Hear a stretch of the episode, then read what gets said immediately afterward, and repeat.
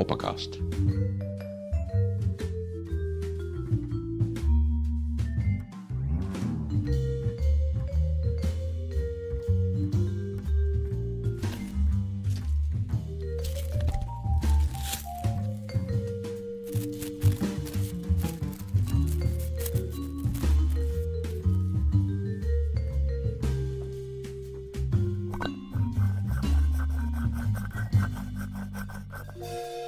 Wat is dit voor een poppenkast?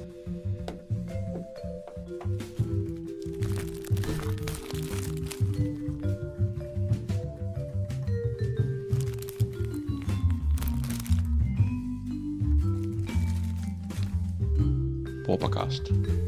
Een pittig gesprek. Of nee, toch niet? Toneer gewoon op de poppenkast. Ja, ja, ja, oprecht ja. Ja, omdat, het, omdat het prachtig is. Poppenkast. Poppenkast.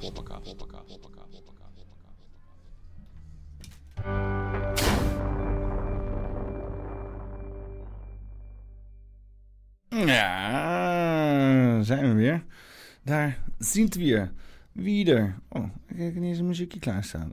Even een, eh, een, lekker, een lekker muziekje eh, opzetten. Royalty free Neon Wave? Nee, waarom staat er niet al gewoon standaard royalty free coffee jazz? Royalty free coffee jazz. Ik zou zeggen dat het er al duizend keer staat zo. eh. Kijk. Kijk. Veel te dichtbij dit en zo. Ja, dat is beter. Met zo'n groot hoofd. Het is lekker weer, mensen. Dus ja, wat doe je met lekker weer? Dan drink je een lekker biertje. En misschien of iets met... eh, ja, een beetje... corona. Hè? Ondanks dat de naam natuurlijk eh, enorm bezoedeld is... En blijft dit nog steeds mijn favoriete drankje in de zomer. Is wel een heel klein... Oh nee, dat is perfect. Zo, perfect. Kijk. Cheers. Cheers. Fijn dat jij ook binnen zit op deze mooie dag. nee, ik hoop dat je... Ik bedoel, ik, ik raad het vaak niet aan om op je telefoon te zitten, maar... Vandaag is zo'n dag. Als je dan toch aan het kijken bent, doe het op je telefoon. Lekker mee bakjes in de tuin zetten. Schoffel hem warm en shit. Pak die vitamine D, ouwe. Oh, lekker. Nou, eh, wat? 47? Ik heb weer eh, van eh, onze trouwe official poppenkasters in de Discord een reeks aan onderwerpen gekregen in het kanaal Paffy. Kunnen jullie trouwens ook zijn, hè? Check in in de Discord. Word een official poppenkaster. Door in ieder geval even participeren aan een gesprek. Of je stem te laten horen. Ook misschien even je gezicht te laten zien als dat mogelijk is. En eh, het liefst zien we je in het echt. Dan ben je echt... Dan kan je nog meer worden dan een official poppenkaster. Als je wel weet, je. Maar... eh, ja, zo kan je dan ook onderwerpen erin gooien. En die kunnen we dan eh, goedkeuren, afkeuren. Gebeurt gewoon zo met het duimpjesysteem. Een duimpje omhoog betekent dat hij grote kans heeft dat hij hierin komt. Duimpje omlaag dan kleine kans. En hoe meer mensen dat doen, hoe groter en kleiner de kans. En eh, ja, dan eh, wordt dat een reeks aan onderwerpen en die ga ik dan bespreken. Die worden eh, zorgvuldig bij elkaar gezocht en door, door Vliegende Hollander.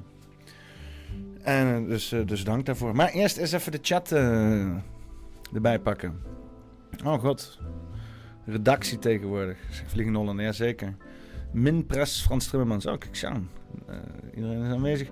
Ik zie dat je vaak hetzelfde shirt aan hebt, Peter. Ik denk wegens gebrek aan inkomsten bij de poppenkast. Stem daarom Frans Timmermans voor hoger minimumloon.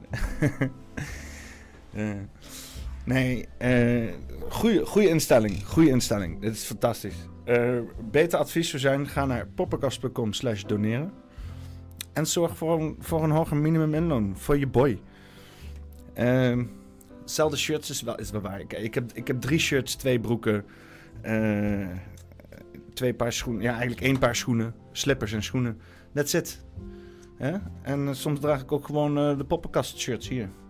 Hier, het zijn hartstikke goede shirts. Ik, nog, ik, nog wel, ik heb heel veel mediums en heel veel... ik heb nog wel wat mediums en large over. Heel veel small ook. Jullie zijn niet zo klein. En dus dus eh, poppenkast.com slash t-shirt of gewoon poppenkast.com en dan kan je op het knopje t-shirt drukken. Bestel nog eens wat t-shirts. Hè? Eh, weet je wel, dat is ook minimumloon. Dat is ook loon voor de poppenkast. Weet je wel? Gewoon, eh, ik bedoel, ik heb inmiddels de shirts eruit.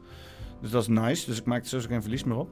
Ik, ik kom dan meteen al zo van, oh dan ga ik ze weggeven. Zo moet ik niet doen. Ik moet, ik moet ze gewoon voorbij verkopen. Zo maak je winst. Ik zit zo helemaal niet in elkaar. Ik ben zo slecht in winst maken. Maar, eh, maar nee, uh, Frans Timmermans heeft helemaal gelijk. Eh, misschien kan ik dan eens een keer een ander shirt. Weet je wel, ik heb, vijf, ik vier shirts.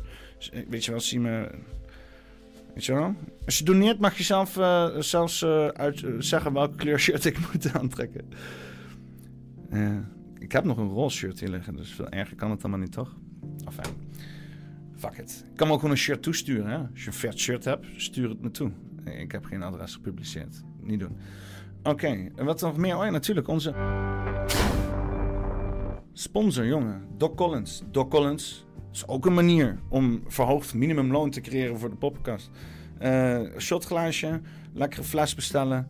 ehm, gewoon genieten. En dan eh, komt het helemaal goed. Gebruik de code poppenkast. En doe dan ook dat kutglaasje in je mandje. Want anders werkt de code zeg maar niet. En dan zien we ons nog niks. Dus je bent verplicht het glaasje te nemen. Zonder glas is, is, is als je denkt van... Ah nee, fuck, fuck dat glas. Dat is toch alleen maar mijn moeite. Nee, nee, nee, nee. nee. Haal het glas. Haal het glas, verdomme. en ehm, haal gewoon... Ik heb, echt lekker shit. Maar nu is ik heel van de corona. Slecht, slecht ben ik ook, hè? Met slechte marketing dit. Ah. Ik heb nog steeds niemand opgenoemd in de chat. Gaan we, laten, we, laten eens doen. Bas de Second, Ben van Enkelen, Conchita, Daffy Moore, Vliegende Hollander, De Bogies, Helen Pas, Imon X, Jeanette Geur, Kenk Jelle Jos Boersma, Kutkebouter, Mamsbroek, Marion, Maaike Movies, Meneer Aert, Minpres, Frans Timmermans, Mr. Rasta, of moet ik zeggen, Mr. Rasta. Eh, sorry. Eh, en eh, P. Peter Leeuw, eh Roy de Liefste, Zwerm J. Videre, eh Wijnand Schrivers, Wil Gerards Videre beginnen een beetje vaste prik te worden hier, hè? Non de tju. Kijk maar uit.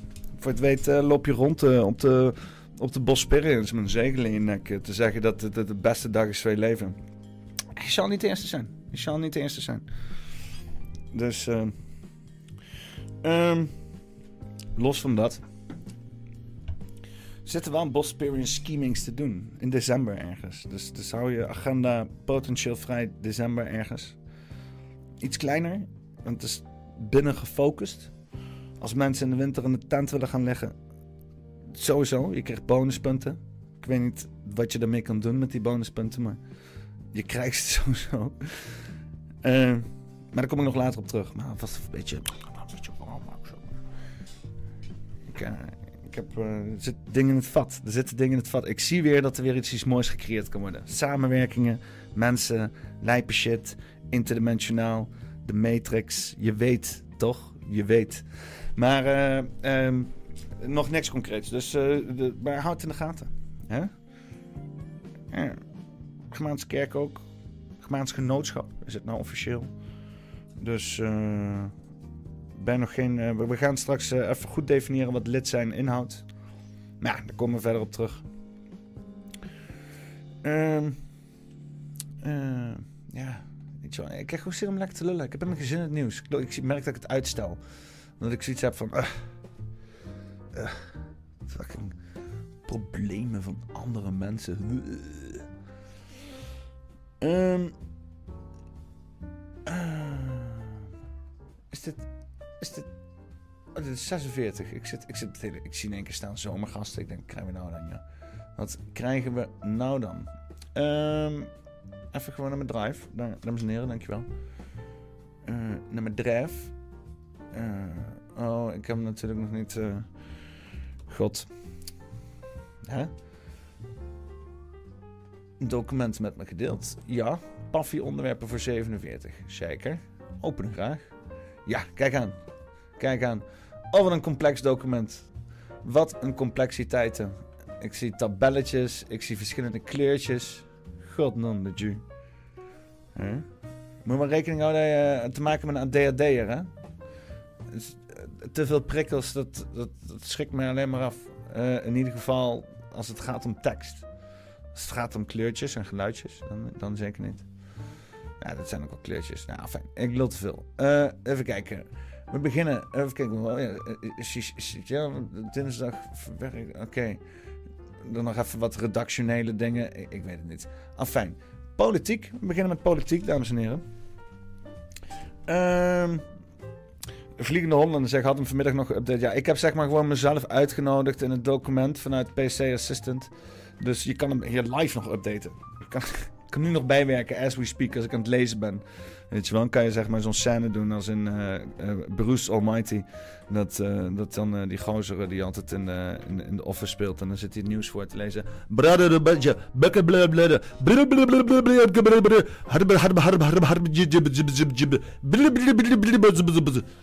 Zoiets dergelijks. Dus nou, in ieder geval, ehm, doe me niet. Eens even kijken. Ik, ik probeer een linkje aan te klikken. Maar ik moet dan waarschijnlijk eh, eerst een toets indrukken. Welke toets wil je dat ik indruk? Oh, oké. Nee, het ziet er hoe het gaat. Oké, politiek. Politiek. CDA, D66, GroenLinks. Geen koffie, Douwe Egberts meer bij de overheid nu fabrikant niet uit Rusland vertrekt. Oh no. Het eh, gevoel van thuiskomen in Nederland. Douwe Egberts. Eh, is nu een eh, nationaal schandaal. Oh nee! Eerst Heineken al. Eerst Heineken in ons verraad voor de Russen. En nou Douwe Egberts die niet wil meespelen met ons politieke, geopolitieke circus. Ten koste van mensenlevens. Eh, werkt er eens mee met onze propaganda. Ja, ga lekker doen. Fucking koffie, bier. Iets die Russen kunnen gebruiken is een bakje koffie. En na de hele Getverse dag beschoten te worden door NATO-materiaal, toch een lekker biertje. Ik denk dat ze liever helemaal gat vergaan aan fucking wodka, maar dat terzijde. Eh, een deel van de Tweede Kamer is ontzet doordat koffie- en theemakers Douwe Egberts en Pickwick nog steeds actief zijn in Rusland. Dit lijkt mij een goede aanleiding om alle koffiecontracten van de overheid te herzien, benadrukt CDA-kamerlid Dirk Boswijk tegenover deze nieuwssite. Hij noemt het ongekend dat de koffiereus nog steeds actief blijft in Rusland. Alsof dat een... ar- Hoeveel, hoeveel mensen in dat... Hoeveel mensen zitten er met... Ja, oké. wat Maar wij zeggen dat dan Douwe Douwe Egberts bij alle overheidsgebouwen... Kijk, als je dan echt hebt... Echt elk fucking overheidsgebouw... Dan het over sowieso dikke miljard eh, ambtenaren... die van koffie zit, voorziet. Als je al die koffie weghaalt... Dat is eh, zeker eh 3 miljard koffies per dag.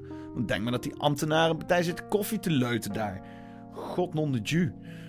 Eén- als ergens het grootste theekransje ter wereld is, is het wel in de Tweede Kamer. De Christen-Democraat reageert met zijn uitspraak op een interview met de topman van het moederbedrijf van koffiemerk Douwe Egberts en Pickwick. JDE Peets, het concern, pijnst er niet over zich terug te trekken uit Rusland. Zo zegt topman Fabian Simon tegen The Wall Street Journal. Hij vindt dat thee en koffie essentiële levensmiddelen zijn die ook Russen moeten kunnen blijven kopen, ondanks de inval van Rusland in Oekraïne. Ja, ja koffie en thee, essentieel, ben ik het mee eens. Miljoenen bedoel je uit de podcast. Volgens mij werken er, als ik het goed heb, maar dan, eh, dat is dan echt de gehele ambtenarij met alles wat daarbij te maken heeft. Een miljard mensen voor de Nederlandse overheid. Maar daar zitten inderdaad volgens mij met 200.000 echte diehard op pantoffels lopende ambtenaren tussen. Eh, of 200.000. eh, meer, inderdaad. En eh, 200 miljoen dan, zou je zeggen? Nee, ik weet het niet meer. Ik, ik, ik, ik, ik pluk maar wat getallen. Ik heb ooit eens gelezen dat er, duiz- dat er een miljoen mensen... Dat er een... Miljoenen, wat zei ik? Zei ik miljarden? Miljoenen inderdaad, ja. Nee, nee, nee. 1 miljoen mensen werken voor de overheid. Dat is het. Kerel. Ik, eh, ik, ben, ik, ben, ik ben er niet echt, eh, dat je zegt, eh, op mijn scherpst. Nou, als het gaat om getallen. Maar wel gezellig. Extra gezellig vandaag. Oké, let's go. Hij vindt dat thee en koffie... Oh ja, dat zijn we al gezegd. D66, GroenLinks en CDA vinden zijn standpunt onbegrijpelijk. D66 Alex, Alexander Hammelburg is zeer, eh, het is zeer pijnlijk dat er nog Nederlandse bedrijven zijn die handel drijven in een land dat met grof geweld Oekraïne de gruwelen van deze oorlog stort. Dat met grof geweld Oekraïne in de gruwelen van deze oorlog stort?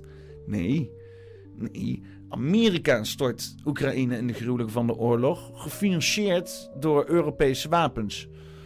Ehm, beantwoord door, eh, door Rusland. Maar Rusland wou, wou, wou het heel klein houden volgens mij. Liggen mij. Dus, jongen, En, en, en nog iets. Ik, ik heb denk ik wel gewoon een perfecte omschrijving voor deze oorlog. De oorlog in Oekraïne is eh, aan de voorkant eh, is, is, is een eh, annexatie van Oekraïne door de NATO vermomd als een annexatie van de Donbass door Rusland. Dat is de oorlog in Oekraïne. Dat is wat het is. En eh, als jij met, met andere dingen komt, met argumenten. eh, en dan heb ik dus niet zoiets van. Ja, maar jij bent een Poetin-versteer, een fascist of een racist. Dat zijn geen argumenten. Dat zijn eh, persoonlijke aanvallen. Want als je dat eigenlijk moet doen, prima mag. Maar ik kan daar niks mee. Ik kan daar niet een argument op voeren. Dus dan moet je toch een beargumentering doen. Zo van: nee, je hebt een situatie. Daarin ontken je een bepaalde reactie. En dan is het gelegitimeerd. En dan vergelijk je dat met soortgelijke acties die ook gedaan zijn door soortgelijke organisaties. Die dan ook zogenaamd gelegitimeerd waren in de andere zin. Hè? Dus, dus eh, dat soort discussies zijn interessant. Maar veel mensen gaan die aan de, uit de weg. En dat wordt dan weggewuifd als... Ah, ja, ja, maar... Dan ben je maar fan van Poetin, weet je wel. Afijn. Ehm, Botswijk betoogt als de Russische consument nauwelijks wat merkt en zelfs goede koffie van een westerse fabrikant kan blijven drinken, is het ook niet gek dat het een langdurige oorlog blijft.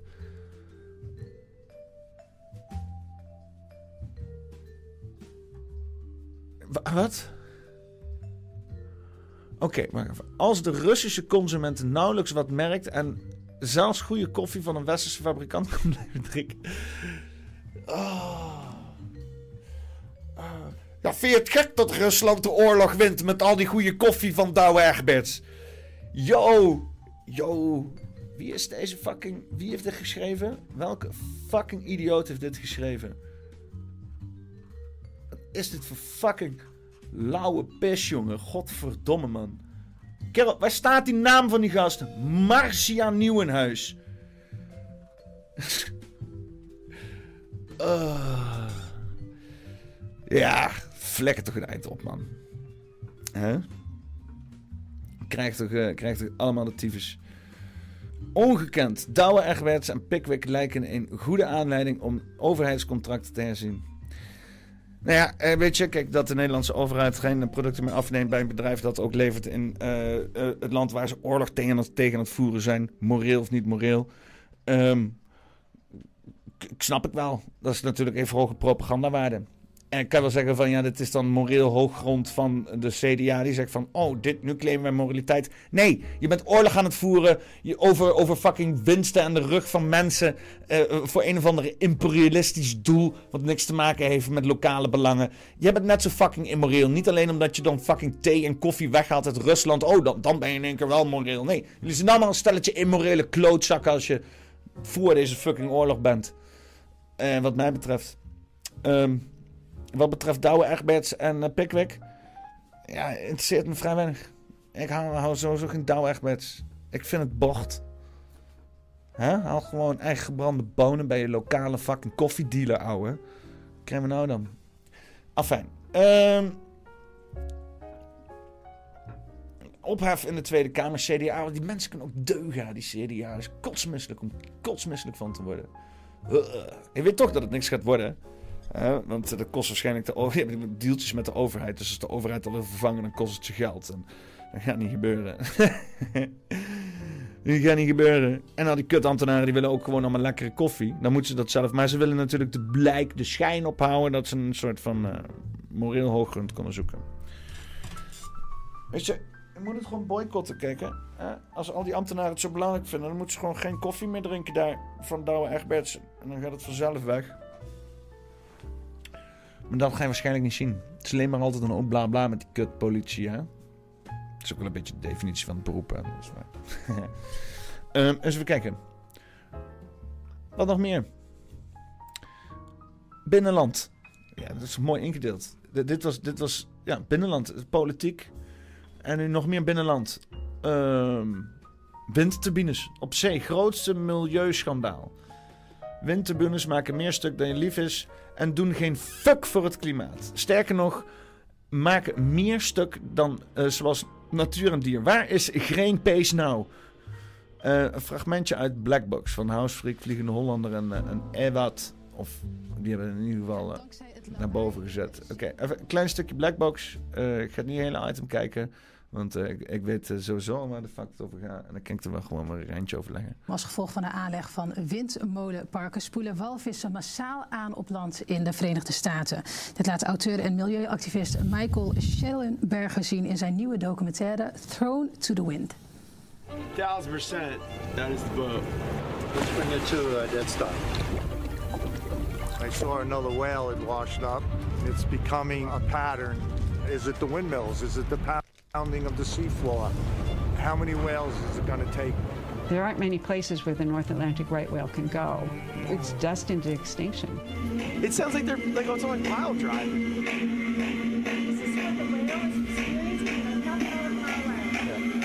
What the United States is looking at is thousands of wind turbines in an area that our whales, our dolphins, our marine life, where they live, where they migrate, where they breed. It's only when they started going into the wind lease areas that we believe that the whales are dying. So those red dots are whale deaths. Precisely. What a scandal. Ja, eh, weet je. eh, weet je wat bijvoorbeeld ook niet zou helpen voor al die walvissen? Eh, is, eh, ja, ja, ja, ja, wat jij wil. Is zeg maar, eh, al die godse kutboten die overal liggen. Da- da- da- Daar werk ik ook niet echt, hè, mee. Maar ja, windmolens ook niet. Dus je hebt al zoveel kutboten, boten. En dan ga je daar bovenop ook nog eens een keer fucking windmolens doen. Eh teringlijners. En eh, wat grap is, weet je wel, als je dan bijvoorbeeld kijkt naar eh, wat, kritiek is en shit.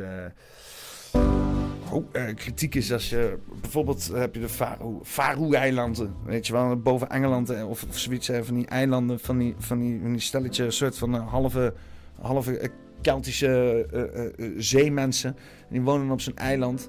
En die gaan dan voor de fucking dorp, eh, zo'n eiland, zo'n zo'n walvis slachten, omdat hij de baai in is komen zwemmen.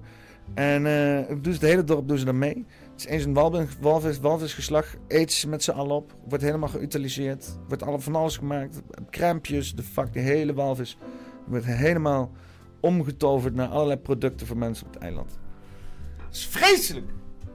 Vreselijk! Kijk, deze mensen profiteren van de natuur. Walgelijk, zegt links dan. Maar dan vraag je toch af als inderdaad allerlei walvissen doodgaan. Waar het erop lijkt dat dat enigszins een bijdrage is van eh, eh, eh, die, die fucking windmolens. Wat helemaal geen rare, raar idee is. Dan, ja, dan hoor je niemand daarover. Hè? Dan moet dat dan inderdaad van, van Blackbox komen of zo. Maar ge- geen Greenpeace. Geen, geen mensen die, die de Save the Whale of zo. Of dat soort shit. Hè? Die, die zijn er alleen bij om, om een of andere eh, cultuurtraditie van duizenden jaren uit te laten sterven. Maar zodra het zeg maar eh, eh, eh, windmolens zijn voor hernieuwbare energie, waar niemand wat aan heeft, waar net zoveel fucking eh, reguliere of conventionele energiecentrales voor worden gebouwd als het een keer niet waait. En dan zeggen ze, oh, het waait altijd op de zee. Nou, op, opletten tot op die ene dag. Hè? Dan moet je alsnog fucking backup klaar hebben staan. Maar dan ook nog eens een keer gewoon schade voor de natuur als een motherfucker. Hè? Gewoon die dingen die zoomen. Die, men, die, die, die, die beesten die zijn ultrasonisch. Die. En die zitten de hele dag zitten die brrr, te luisteren. Het is gewoon... Eh, het is gewoon crappy. Nou, laten we even, even kijken of... eh, of, eh, of eh, eh, Dingetje hier er nog wat over te zeggen had. altijd blijven. Hè? Dus uh, dat hebben zij ook daadwerkelijk gedaan. Zij keken ook gewoon naar wat is er in de afgelopen vijf jaar nu in dat gebied uh, veranderd. Uh, Amerikanen zijn later dan de Europeanen begonnen met het plaatsen van allemaal windfarms in de zee. Ehm, de eerste was in 2016, Block Island heet dat. Dat is voor de kust van New Jersey. Uh, wordt door een Deense uitbater gebouwd, Ørsted, die in handen is van Goldman Sachs, die uh, onder andere. En andere permits volgden dus. En wat hebben ze dus gezien? Hey, de visserijactiviteit veranderde niet, de scheepvaart veranderde niet. Wat is het enige andere factor die wel is veranderd in datzelfde gebied? Waardoor er nou ineens vanaf december afgelopen jaar al 60 van die vrij zeldzame walvissen aan, Noordkapers heet ze geloof ik, dus de right whale noemen ze dat, aanspoelen. Dat, uh, in, en als die dingen dus in een trekroute worden gebouwd... of waar zij heen en weer trekken naar voedselgronden en baaigronden... en dat het dan dus blijkbaar zo'n effect heeft. Dus ze hebben gewoon inderdaad echt gekeken van... ja, er kan eigenlijk maar één logische oorzaak zijn. En er is natuurlijk ook een, en daar komt het, een oorzakelijk gevolg. Kijk, beesten die navigeren op sonar en op gehoor onder water... als je daar klappen met het uh, geluid van een straaljager continu op loslaat. Die raken of gedesoriënteerd, of zelfs als ze er te dichtbij zijn, raakt hun gehoor gewoon helemaal beschadigd. En kunnen ze gewoon ook trauma's oplopen en dan spoelen ze gewoon aan. En uh, dat lijkt hier gebeurd te zijn. Dus uh, heel weinig onderzoek, nou, dan kom je er alweer, we hadden het er net over. Er wordt gewoon niet betaald voor onderzoek om nou eens te kijken hoe dat nou werkelijk dat oorzakelijk verband zit. Ja, dat vind ik ook niet raar dat er niet betaald wordt. Hè? Er wordt niet betaald voor zoveel, niet de hele tijd niet. En helemaal niet als het tegen het beleid gaat natuurlijk. Maar het is wel schandalig. Het is fucking schandalig, ouwe. What the fuck? Hè? Walvis gaan dood, waar is Greenpeace? De hypocriete partijen zijn dat ook, jongen. Weet je wel. Dus fucking milieuorganisaties. Uh, die zijn, daar is niks meer van over. Hè? Weet je wel? Uh, die, uh, die, weet je wel, die Weet die kale ook weer van de fucking P van de Samson. Hè, hoe die dan, uh, want dat was toch zo'n uh, zo'n lijpo en zo'n fucking rubberbootje. Die dan uh, tegen van die boten aan een beetje huis maken en zo. Ja, de hij niet meer. Ja, al die klimaatactivisten die zitten zichzelf te verrijken met allerlei dealtjes met de industrie. Om, om een of andere agenda uit te, uit te rollen die goed voelt. Maar geen enkele fucking bijdrage heeft aan de toekomst. Eh. Ja, spijtig. Spijtige situaties. Nog iets uh, anders. Binnenland. Nog steeds. Het nog steeds binnenland. Binnenland, jongens. Oh, we zijn zo binnenlands bezig. Je zou het bijna nationalistisch kunnen noemen. Oprichting Partij Omtzigt. Link naar WEF. Hele shitzooi wat Max ook besproken is. Partij van de Blauwe Pil. Why we need a social media. Uh, weet even kijken of ik hem even groot kan doen. Zo. Oh, sorry, ik bedoel deze zo hier zo. Kijk wel. Hè? Partij van de Blauwe Pil.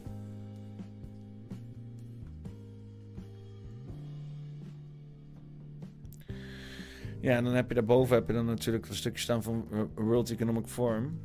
Ik denk, als ik dat gewoon zelfs zou gaan opzoeken nu, gewoon even zo, even zo 1, 2, 3. Uh, why we need a social contract. Even kijken. Google uh, World Economic Forum. Why we need a new social contract. Even kijken. Ja, hij staat gewoon, het is gewoon shit, gewoon live. Where, where we need a new social contract for the 21st century vorig jaar gepost. En het is niet de eerste keer dat het hierover gaat. En natuurlijk dat boek van, van, uh, van, van, uh, van Dingetje, van Pietertje. moet niet, ik zou hem nog graag eens een keer willen uitnodigen. Ik moet niet heel denigerend gaan zitten doen. De boek van Pieter. En die heet een, nieuw sociaal contract. het is ook al eens eerder genoemd in 2017 door volgens mij iets van globaal geallieerde NGO's. Dus het idee hangt al langer in de lucht. Vraag je zich af, is het dan zeg maar naar aanleiding van het boek van Pieter? En dat hij dus nu dan een soort van WEF, super WEF approved is met die hele partij? Daar lijkt het wel op, hè? Het hetzelfde als met de fucking BBB. Weet dan ga je los van het feit dat het Build Back Better BBB is. Nou ja, dat zou je kunnen zeggen, oh, dat is gewoon toevallig. Maar dan ga je naar die Remarkable site. En dan staat gewoon Bayer en Monsanto tussen klanten van ook BBB. BBB staat er ook bij. Staat op die site van Remarkable. En Remarkable en BBB die hebben, ik weet niet of dat nog steeds zo is, maar in ieder geval in een substantiële tijd hetzelfde adres gedeeld.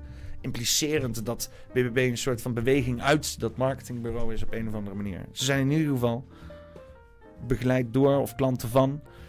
En tevens, wat achter die Remarkable zit, is dan ook eh, grote big agro compagnieën, zo- eh, bedrijven zoals Bayer en Monsanto. Eh, waardoor je dan kan afvragen hoe integer is BBB. En hij nu met Pieter met het WEF. En ehm kijk, als je gewoon niet van die, al die WEF-plannetjes bent, dan is dit natuurlijk helemaal niet aantrekkelijk. zeg, helemaal. Maar is die, die hele Pieter is helemaal geen aantrekkelijk gozer. Eh, Marx die denkt dus ook echt dat het echt heel erg ver voorbereid is. Hè? Dat hij er echt geïmplanteerd is zo om, om, om mensen... Hè? Dat hij die kansen is gegund om zich af te zetten tegen bepaalde zaken. Zo, om zichzelf te profileren. En dan vervolgens een nieuwe afkoppeling te maken. is diep. Shit's diep. Ik weet maar nooit hoe ver die mensen gaan. Ik bedoel, eh, hè? Eh, ik weet niet. Het heet niet voor niks een strategie, toch?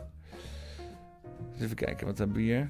Ach, de aankondiging van Pieter. Ik ga er niet nog een keer terugkijken. Dan moet je maar gewoon eh, andere dingen gaan kijken. Hoor. Moet maar even eh, wat de fakkel gaan zitten kijken met, eh, met, met, met Max. Ga ik er ook niet heel diep op in. In die fucking aankondiging van Pieter is ook niks bijzonders. Oh, we gaan mooie dingen doen, ja. Ja, en dan inderdaad die, die hele rits aan, aan, aan zaken waar hij waar, waar die, waar die voor is, heeft tegengestemd. Allemaal dingen waar heel veel mensen zoiets hebben van ja, dat is wat ook probleem is in Nederland, heeft hij allemaal tegengestemd. Dus ook alsof hij niet echt problemen wil gaan oplossen, maar alleen maar gewoon interessant wil gaan doen met eh, fake verandering. Oké, Eh, wat hebben we hier? Stonehenge. Video over Stonehenge gebouwd is of gebouwd zou zijn. Oké, nou, ben benieuwd. Dus even kijken eh, wat poppen. Twaalf jaar geleden. Dit is geen, dit is geen nieuws. Jongens, dit is, dit is toch geen nieuws? Twaalf jaar geleden. Video over Stonehenge. Maar waar slaat het op? Buitenland. Ja, jongens, jongens, doe beter. Het is, het is nieuws. Het is, een wekelijks kutprogramma over recente zaken, niet voor niks. Fucking filmpjes van 12 jaar geleden zitten kijken. Eh, even kijken. Ehm, wetenschap, algemeen. Physicists confirm existence of demon particle. Ja, die, zelf viel me dat op. eh. Ik vind het toch wel eh, altijd weer eh, interessant hoe diep ze gaan op de, op de deeltjes. Allemaal deeltjes zijn, zijn is bijna net zoals shitcoins, weet je wel. Nu dat is met, eh, met, eh, met, met kwantumfysica. En een van die deeltjes, van zo'n atoom, zo'n deeltjesversneller van die atooms en die jensen dan op elkaar als een fucking idioot. En dan eh, komen daar eh, allerlei eh, zaken uit. En die ontstaan heel even en die hebben bepaalde gedragingen. En aan de hand van dan bepaalde gedragingen categoriseren ze dat in dan een, een, een, een, een hokje, een naampje. Alsof het iets is. Weet je wel? En dat is met heel veel wetenschap af en toe het probleem als je echt op de fundamenten gaat kijken. Maar hier met kwantumwetenschap is het toch echt, echt ik weet niet. Weet je wel?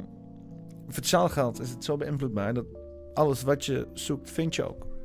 Want dat is toch het idee, dat op, op, op, op een bepaald singulair niveau alles wat mogelijk is ook kan gebeuren. Dus als jij op zoek gaat naar bepaalde eigenschappen van een of ander deeltje, dan ga je ze op een gegeven moment toch wel een keer vinden. Dan ga je zeggen, oh alle eigenschappen kunnen er zijn. Oh ja, maar die eigenschappen die ik had verzonnen, die zijn gevonden. De demon particle. nou, in elk geval, laten we even lezen eh, wat ze ervan vinden. A demon particle that has been haunted physics for ne- nearly 70 years. Eh, laat, ik- laat me eens even vertalen. Zou dat kunnen? Kunnen we dit vertalen naar het Nederlands? Oh, kijk. In een experiment van Amerikaanse onderzoekers is een demonisch deeltje gevonden. De demon particle. Ik denk niet dat het vertaald in Nederlands naar demonisch deeltje. is wel leuk om het zo te noemen. Misschien ga ik het gewoon demonisch deeltje noemen. Fuck it. Gevonden dat natuurkundigen al bijna 70 jaar achtervolgt. Het is geen deeltje in de traditionele zin van het woord, zoals een proton of een elektron. Het is een samengesteld deeltje dat bestaat uit een combinatie van elektronen in een vaste stof. In 1956 voorspelde theoretisch natuurkundige David Pinus dat elektronen in een vaste stof iets vreemds konden doen. Elektronen hebben zowel massa als lading. Maar Pinus beweerde dat combinaties van elektronen in een vaste stof van samengestelde deeltjes kunnen vormen dat uh, kunnen iets, iets vormen dat massaloos is, geen lading heeft en geen interactie heeft met licht. Eh, dat is lastig te meten. Hij noemde dit het een demoondeeltje. Nu is het geen een demonisch deeltje. Oh, nou fijn. Natuurkundigen hebben gespeculeerd dat de demon van Pinus een belangrijke rol speelt in de kenmerken van veel materialen, maar tot nu toe hebben ze het bestaan ervan nooit kunnen bevestigen. Het onderzoek van een team van Universiteit van Illinois Urbana Campaign is gepubliceerd in Nature. Demonen worden al heel lang getheoretiseerd of theoretisch vermoed, maar experiment experimentatoren hebben ze nooit bestudeerd. Mensen die experimenten doen, oké. Zegt senior auteur professor Peter Abamonte. Eigenlijk waren, ze, waren we niet eens naar op zoek. Maar het bleek dat we precies het goede deden en dat hebben we gevonden. Het team van Abamonte gebruikte een ongebruikelijk experimentele opstelling om de elektronische modi van het materiaal te prikkelen, zodat ze de demon in het materiaal strontium rutenaat stront, strontium, st, strontium rutonaat ontdekten. De fysica van gecondenseerd materie heeft het collectieve gedrag van elektronen in vaste stoffen onthuld. Interactie tussen de deeltjes kunnen leiden tot vorming van eenheden die collectief handelen en interageren. Interageren? Integreren. Collectief handelen en interageren. Reageren? Raar. Raar wordt het, ik weet niet wat fuck. Als er voldoende energie aan het systeem wordt geleverd, kunnen de elektronisch samengestelde deeltjes vormen die bekend staan als plasmonen. Plasmon. Plasmon. Er komen een tijdje termen hier vandaan, jongen. Demon particles. Plasmonen. Strontiumrutenaat. Nee, dat is, dat is niet raar natuurlijk. Hè? Strontium staat gewoon op de periodieke tafel. Dat heb geleerd vroeger. Hè? In de klas. En zoals altijd, als mensen als eerst leren van strontium, is dat gewoon fucking grappig. In het Nederlands in elk geval. In het Engels heet het gewoon strontium. Zeg iemand, what are you laughing? What are you laughing about? Zeg, oh nee, that's just funny because it's shit. Uh, de plasmonen hebben een nieuwe lading en massa die voorkomt uit de onderliggende interacties tussen de elektronen. Maar de energie die nodig is om plasmonen te produceren is zo hoog dat ze niet bij kamertemperatuur kunnen worden geproduceerd. De demon van Pinus is hierop een uitzondering. Hij voerde aan dat de rangschikking van elektronenenergieën in een metaal de vorming van een massaloos plasmon mogelijk zou maken. En omdat het massaloos is, zou er geen extra energie nodig zijn om, het, uh, uh, om gevormd te worden. Theoretisch dan, hè? Abermonte legt uit omdat het demondeeltje geen interactie heeft met het licht, er een niet-standaard apparaat nodig was om het te, detecteren. Er een niet-standaard apparaat, hè? niet een inconventioneel apparaat of een, nee, een niet-standaard apparaat. Ze konden niet de standaard apparatuur gebruiken. Nee, er is een niet-standaard apparaat nodig, want dat is ook een gedefinieerde categorie van apparaten. Niet-standaard apparaten. Uh, uh, de eigenschappen van het strontiumrutonaat werd bestudeerd door, de door, door er elektronen in te schieten in plaats van licht te gebruiken. In hun gegevens vonden ze elektronenmodus zonder massa. Is ook weer niks gezien, hè? dat is ook weer een of andere abstracte waarneming van. In de eerste instantie hadden we geen idee wat het was, zegt, de, uh, zegt eerste auteur en voormalig afgestudeerde student Ali Hussein. Demonen zijn niet de mainstream. De mogelijkheid kwam al vroeg ter sprake en we lachten, al, we lachten het eigenlijk weg. Maar toen we dingen begonnen uit te sluiten, begonnen we te vermoeden dat, de demon, dat we de demon echt hadden gevonden. Uh, demon, we found a demon. De voorspelling van Pinus over demonen vereist nogal specifieke omstandigheden. En het was voor niemand onduidelijk of strontiumrutonaat überhaupt een demon zou moeten hebben, zegt co-auteur Dr. Edwin Huang. We moeten een microscopische berekening uitvoeren om duidelijk te maken wat er aan de hand was. Toen we dit deden, vonden we een deeltje dat bestond uit twee elektronenbanden die, bijna, eh, die met bijna gelijke grootte uit fase oscilleerden. Bijna met gelijke grootte uit fase.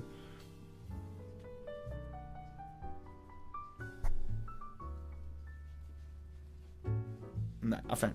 Ehm eh, precies zoals Pinus beschreef. Ben je niet? Het spreekt over het belang van het meten van dingen. Meten is weten, vroeg abonnementen toe. De meeste grote ontdekkingen zijn niet gepland. Je gaat ergens anders kijken en dan zien wat er is. Ja, net zoals penicilline of zo. Nou, hartstikke leuk. Demonisch deeltje. Nou het is wel interessant. Uh, wat, er wordt dan zeg maar, theoretisch gespeculeerd dat aan de grondstof van bepaalde eigenschappen van bepaalde stoffen. Want dat is, we weten heel veel over de samenstelling van atomen en weet ik veel wat allemaal niet. Maar we weten niet waarom metaal uh, zich gedraagt zoals het gedraagt. We weten niet waarom glas of zand zich gedraagt zoals het gedraagt. Of silicoon of weet ik veel wat. Weet je wel? En dit zou dan een, een aanwijzing kunnen zijn hoe materiaal zich gedraagt. Hè? En als je weet waarom materiaal en hoe zich dat gedraagt, dan kan je het misschien ook manipuleren. Dan kan je zo van een stuk ijzer een stuk rubber maken. Of van een stuk plastic een stuk uh, cement. Weet je wel? Dan heb je, kun je zo'n gun maken zo met psiu. En dan, dan, dan iets wat dan normaal gewoon een boom is, is dan in één keer van kaas gemaakt of zo, weet je wel. Dat, dat is een beetje het, uh, het, het idee. Uh, en dan, en dan zeg je van ja, maar dat is toch niet recentelijk? Nee, het begint ergens toch. En dit begint erbij. Je moet weten hoe, hoe, hoe stoffen functioneren. Ik vind het wel interessant altijd. Niet interessant, oké. Okay. Dan gaan we wel weer memes kijken. Want is, de hond ging afgelopen vrijdag dood. Oh, wacht even. Oké. We gaan maar memes kijken. Dat heeft dan dat plaatje verwerkt in uh, het document. Maar ik ken er niet zoveel mee eigenlijk. Ik moet of een link hebben naar een plaatje. Of dan moet ik het document laten zien. Dan ga ik dan de hele tijd fucking een document laten zien. Dat is toch ook niks zo. De hond ging dood afgelopen vrijdag. Of de hond ging afgelopen vrijdag dood tijdens een operatie. Het dier werd gebruikt in talloze memes op internet. Ja. Dus de hond achter deze meme is dood. Gecondoleerd met je fucking hond. Nou, fijn. Ik wist niet eens dat het beest leefde, weet je wel. Dus, dus, uh, dus, ja. Oh, de fuck. Ik heb je gewoon. Ik zit hier te zeiken op de Vliegende Hollander. Ja, inderdaad. De link staat onder elk item. Sorry. Ja. Internethond Shames, bekend van vele memes, is dood. Zijn naam ken je waarschijnlijk niet, maar de kans is groot dat je hem wel eens voorbij ziet komen op sociale media. Memehond Games, het dier dat verscheen op talloze afbeeldingen, ging afgelopen vrijdag dood dood. Tijdens een operatie. Nou, godverdomme. Het is bezig gewoon moeten laten leven. Is nou? Oh. nee toch. Fucking NOS. Oh, klote boomers. Kijk, hoe, lang, hoe lang zitten we nou op het internet met z'n allen? We zitten nou met z'n allen al 30 jaar op het godverse fucking internet. Hè? Voor wie zit het uit te leggen? Voor de jeugd? Vast niet. Nee, je zit uit te leggen voor die stelletje boomers die zich consistent van het fucking internet af hebben gehouden. Memes zijn plaatjes met grappige teksten die online worden gedeeld. Games werd daarop vaak zittend afgebeeld. Nou, fijn. Ook andere honden van de Shiba Inu-ras worden vaak gebruikt als memes. Doge. Dogecoin. Shit, jongen, je weet. De hond die eigenlijk uh, heet, had al enige tijd kanker. Hij viel in slaap op vrijdagochtend tijdens een late operatie. Schrijf zijn baasje op Instagram. Weet je wat het is? Weet je wat het is? Dit zijn ook gewoon weer die fucking Shiba Inu hotsies, weet ik veel, die blije kutbeesten. Zijn ook gewoon weer doorgefokt. Net zoals al die andere kuthonden allemaal doorgefokt zijn. En dan gaan ze allemaal dood aan een of andere kutkanker of een tyfus of een teringzooi. En dan moet ze geopereerd worden. Is één grote lijdensweg. Hè? Zit soms naar die huisdieren te kijken en dan denken van... Oh, ik zou ook wel een huisdier willen zijn. Lekker de hele dag rondleggen. Kerel, wil jij een of ander genetisch gemodificeerd, gekweekt misbaksel zijn... alleen maar gemaakt om aandacht te werven bij, bij mensachtige... Dat is toch, is geen leven? Vooral peuks en zo, weet je. Kom eens naar je toe. Het is grappig. Het is grappig. Ik bedoel, begrijp me niet verkeerd. Ik kan er ook om lachen. Ik kijk er ook naar en ik denk ook... Ha! Fucking beest komt de stoep niet op. Maar dan denk je iets verder en dan denk je, het is eigenlijk best wel triest. Weet je wel? En eh, ja. eh, dat, eh dat wou ik nog even gezegd hebben. Die kans groot dat dit ook een of ander doorgefokt beest is. Ik bedoel, waar zie je tegenwoordig nog gewoon een normale hond?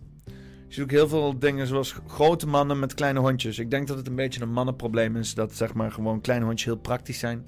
Super praktisch.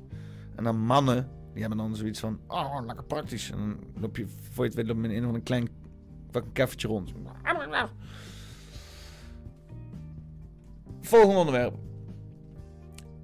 Smartphones. Europa. Wat? De EU wil smartphoneverslaving van tiener genezen. Landen nemen nu de eerste stappen om het buitensporige en potentieel schadelijke gebruik van social media platforms zoals Facebook, Instagram en TikTok in toom te houden. Via Ewoud.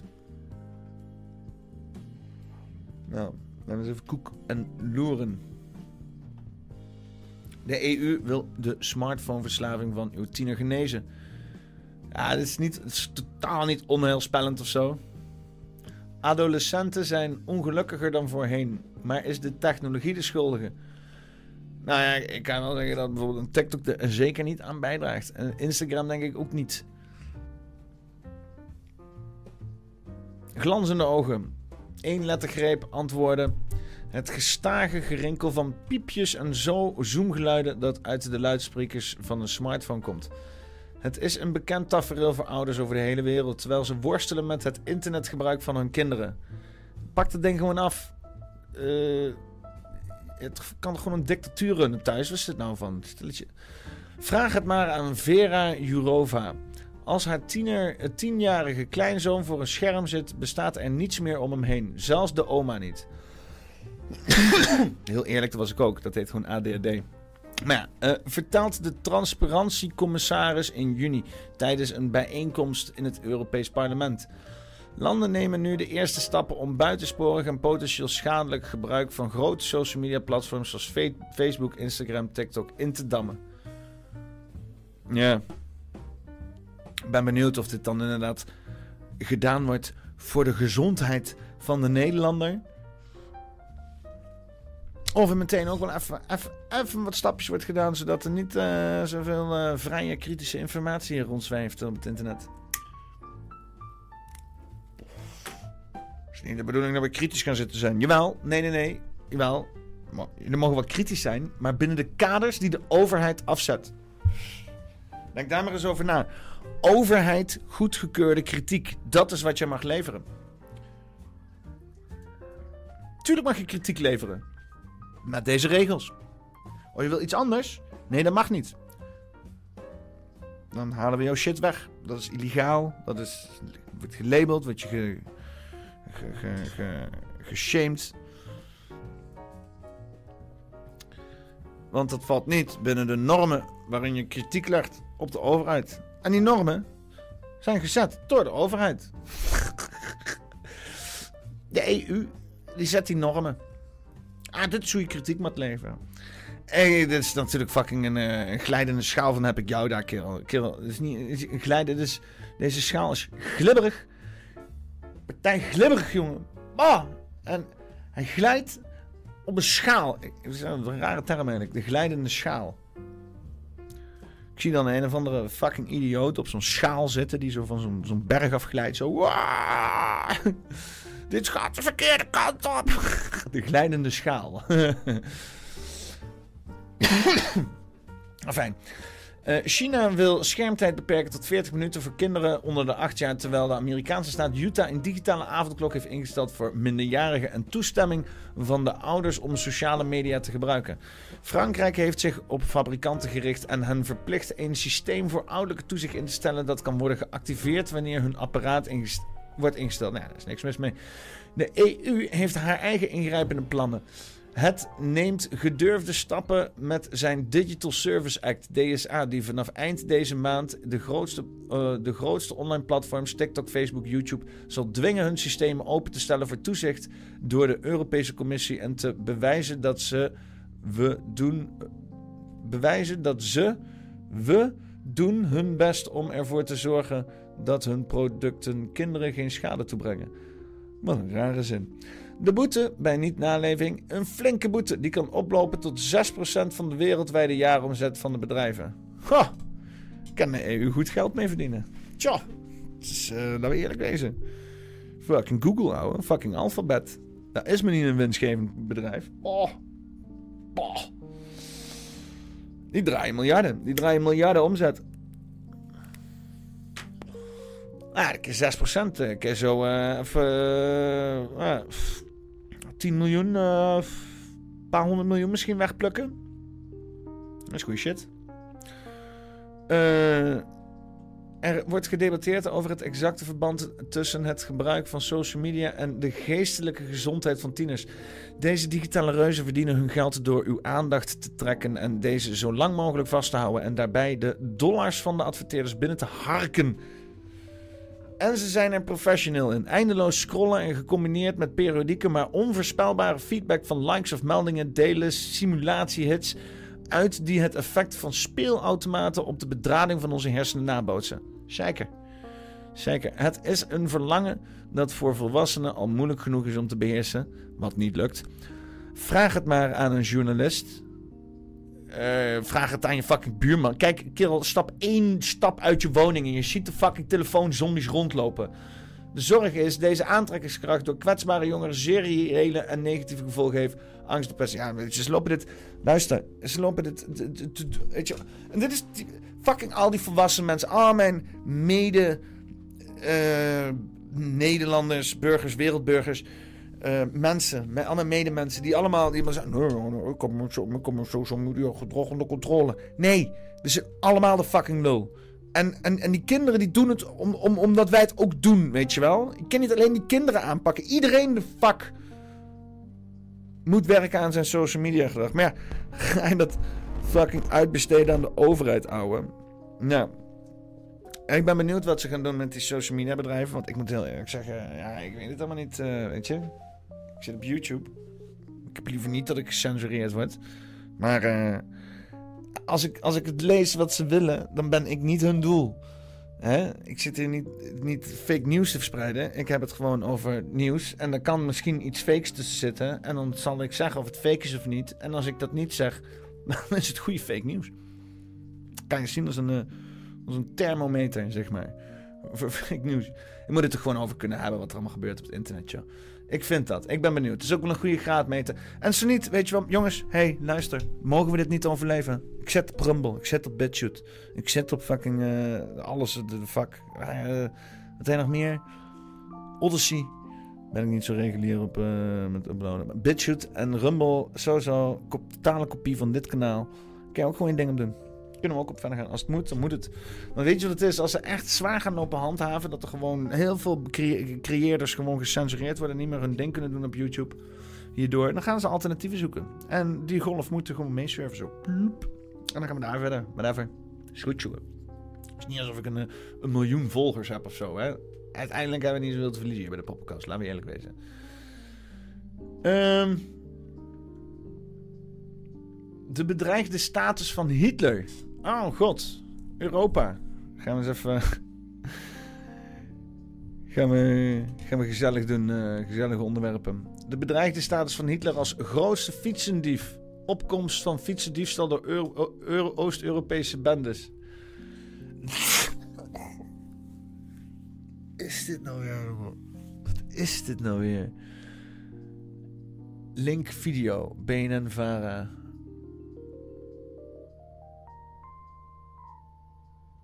Oké, nou, we het maar eens... Ik, ik, ga het gewoon, ik ga het gewoon bijpakken. Is kassa?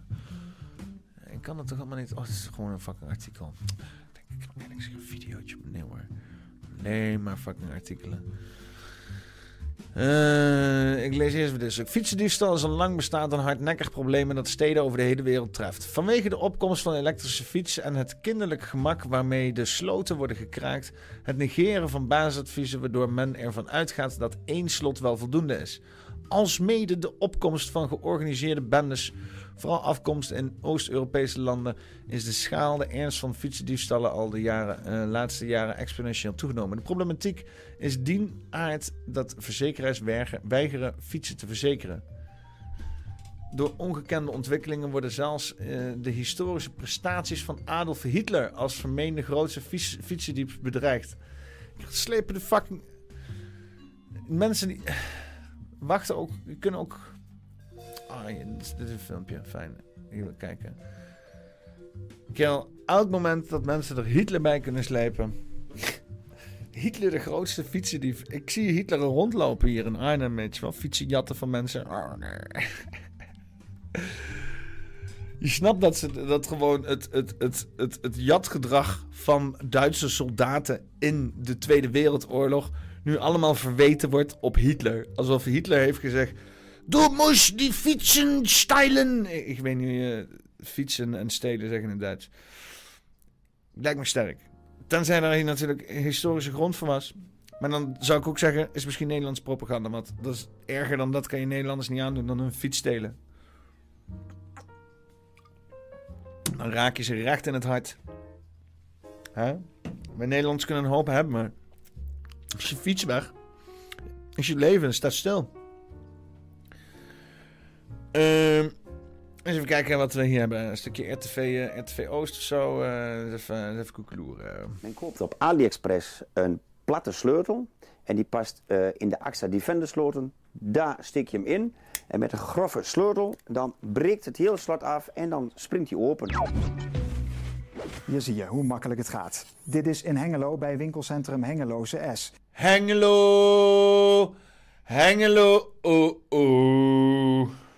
Deze man haalt een loper uit zijn jaszak. Het is een zogenoemde... Hengelo! Hengelo! Oh, oh. loper. Die drukt hij in het slot en weg is de fiets. Ja, goed gereedschap is het halve werk. Varad, inderdaad, ja, Vliegende Hollander. Varad, een, een, een vaarrad. Fucking Duitsers, dat klopt. Ik, en dat, dat, natuurlijk, ik wist dat. Maar dat is ook weer van die typische... Dat, Varad, ja, tuurlijk. Oh. Wat is stelen in het Duits moesten die... Die moesten die... Die moesten die Nederlandse Fahrraden mitnemen. Voor die vaderland. Uh, nou, fijn. Zeggen we dan, uh, Anne, hoe groot is het probleem nou rond die fietsendiefstallen? Nou, dat is best wel groot. We houden statistieken bij en daaruit blijkt dat in de politieregio Oost-Nederland in de eerste drie maanden van dit jaar al ruim 3200 fietsen en scooters als gestolen zijn geregistreerd. Nou, om je een idee te geven, met dit aantal voel je gemakkelijk uh, de fietsenstalling bij station in Deventer. In Enschede past het niet eens in de fietsenstalling. En op het station in Zwolle zou meer dan de helft van deze megastalling op het stationsplein zijn gevuld met gestolen tweewielers. Klauwen? Is klauwen stelen? Oh, gruwelijk. Du moest die Nederlandse Fahrrad klauwen, ja. En du moest dat met veel spas doen. Voor die vaderland. Ein Reich, ein Fahrrad. Uh, ein Volk, ein ein Fahrrad. Nee, het is meerdere Fahrrad dan. Klopt ook geen ritme van. Afijn. Iets met Hitler en fietsen? We stipten het net al even aan. De fietsendieven gebruiken een zogenoemde Poolse loper. Hoe die werkt, legt fietsenmaker Raymond Hams uit Weerselo uit. Men koopt op AliExpress een platte sleutel. En die past uh, in de AXA-sloten, de AXA Defender-sloten. Weet je wat plat is? Ja, accent. En misschien de aarde, volgens sommigen. Daar steek je hem in. En met een grove sleutel, dan breekt het hele slot af en dan springt hij open. Volgens fietsenmaker Hams komt dit de laatste tijd heel vaak voor. Je kunt je wapenen door je fiets ook altijd met een apart kettingslot vast te zetten. En dit... Godverdomme, AliExpress denkt je... Fietsenjatten, jongen! Fietsenjatten, jongen! Ik ga ze nu verzamelen gewoon. Ik ga deze hele godverse flat vol proppen mijn fiets. Jij een fiets. Jij een fiets. Hoe kom je eraan? AliExpress en RTV Oost. Verkoop ik momenteel ook heel veel. Dat is de Tracefy, dat is de GPS-tracker. Heel klein apparaatje. Dat bouwen wij in de fiets. En dan kan je hem dus koppelen aan je telefoon en dan kan je dus zien van waar die is. Ja, Anne, het gaat dus niet altijd goed met dit. Wedden dat het kutapparaatje ook weer aan big data doet en dat doorverkoopt aan een derde partij. En die dan zegt, oh, maar dit is waar mensen fietsen. En zo. Wedden, wedden de fuck dat dat gebeurt? Dus koppelen aan je telefoon en dan kan je dus zien van waar die is. Ja, Anne, het gaat dus niet altijd goed met deze Poolse sleutels. Nee, zo'n sleutel werkt maar een paar keer en dan is die eigenlijk al kapot. Je moet hem namelijk heel hard in het slot slaan. En ja, dat gaat maar een paar keer goed. Uh, en uiteindelijk breekt hij dus af zoals dat ook in Losser gebeurde. Deze lopers werken alleen voor één specifiek type slot? Ja, klopt. Toen de sleutelfabrikant in de gaten kreeg dat er dus zo'n uh, sleutel, uh, zo'n loper in omloop was, uh, heeft hij meteen de sloten aangepast zodat die uh, sleutels dus niet meer zouden werken.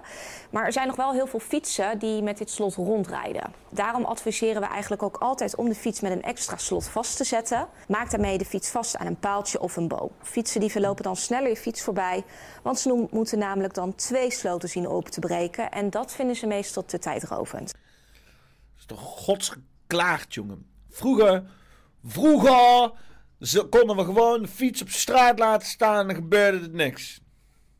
Het was steeds erger. Ja, het is, is het soort van onvermijdelijk. Dat, want heel geleidelijk aan, hè. Toen ik klein was, werd er nooit iets gestolen. Ik ook altijd alles buiten laten staan. Of is het gewoon zo, sinds ik volwassen shit heb, wordt gewoon alles van me gestolen. Dat is gewoon... Toen ik vroeger kind was, dan dacht ze van... Nee, ik ga jouw kinderfiets niet stelen. Dat is niet de bedoeling. Ik kan me herinneren dat ik vroeger in de buurt gewoon uh, mijn fiets gewoon de hele nacht buiten had laten staan. Open, gewoon, oeps, niet vergeten van de straat af te halen. Dus, uh, maar ja, aan de andere kant, de brommer is ook eens een keer voor mijn huis gejat. Dus, uh, alles kan. De man in Losser, die worden dus nog gezocht. Maar we zijn ook op zoek naar de verblijfplaats van twee andere fietsendieven, zoals deze. We beginnen in Rijssen. Daar duiken op een donderdagmiddag deze twee mannen op. Het is geen gewone wandeling, want ze scannen de omgeving af op zoek naar een buit. En die vindt... Ook gewoon volwassen mannen die gewoon fietsen gaan stelen. Is toch wel lol.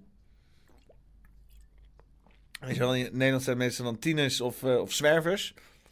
Maar nu ook Poolse mannen. met fietsenhandel.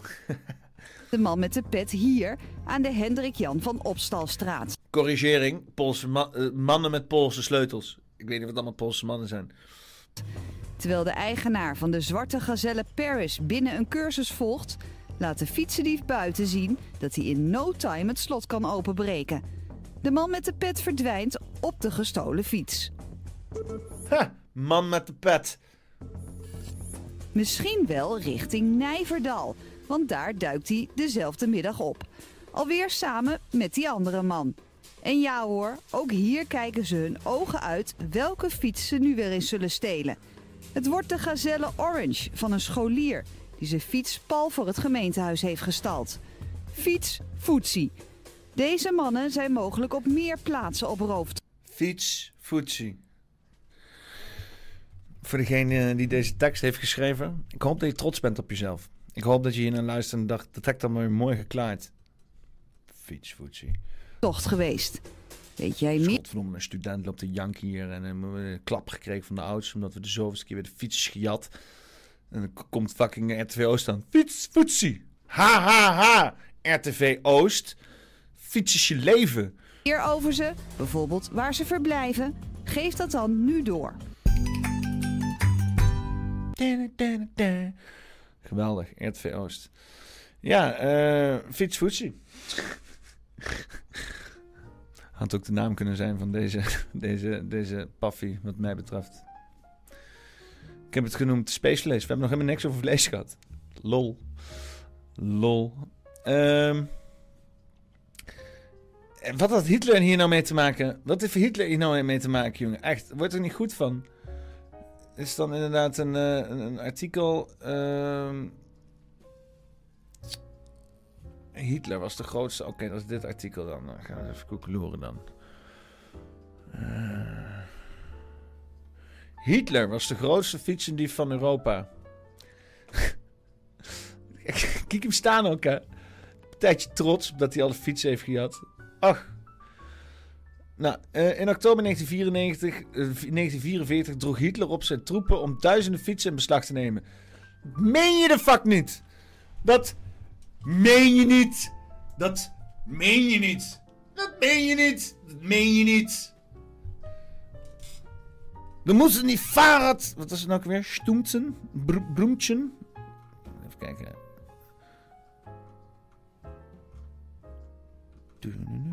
Klauwen, oh ja. Dan moesten die Fahrrad klauwen van die Hollanders. Nou, enfin. Uh, vreemd. Heel vreemd. Dus fietsen in beslag te nemen van bezette gebieden. Het Duitse leger had een tekort aan voertuigen.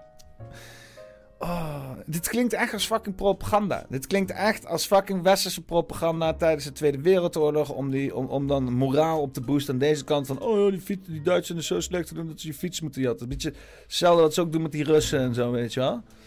Zo klinkt dit. Het is toch fucking niet waar. Het is fucking grootste industriële uh, uh, uh, land van Europa. Nee, we moeten gaan fietsen jatten van iedereen. Eh. Rick Peters zegt, ken je geschiedenis? Hitler had rubber nodig voor de tanken. Het geschiedenisblokje met de poppenkast, zegt de Vliegende Hollander. Ja, nee.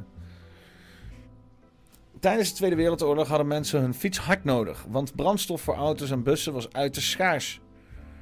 Mensen hadden ook nog niet uitgebreid auto's volgens mij. Maar afijn. Toen Hitler op 6 oktober 1944 het bevel gaf om fietsen in beslag te nemen in bezette gebieden, trof dat de burgerbevolking zwaar.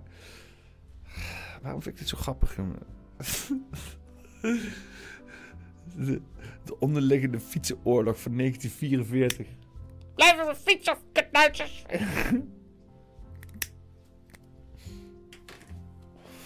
Vraag ik me, want ik heb al heel veel gehoord van inderdaad oude mensen die zeiden... En ze jatten alle fietsen mee, maar ik heb nog nooit gehoord van een oude dat dan zijn fiets was gejat door Duitsers.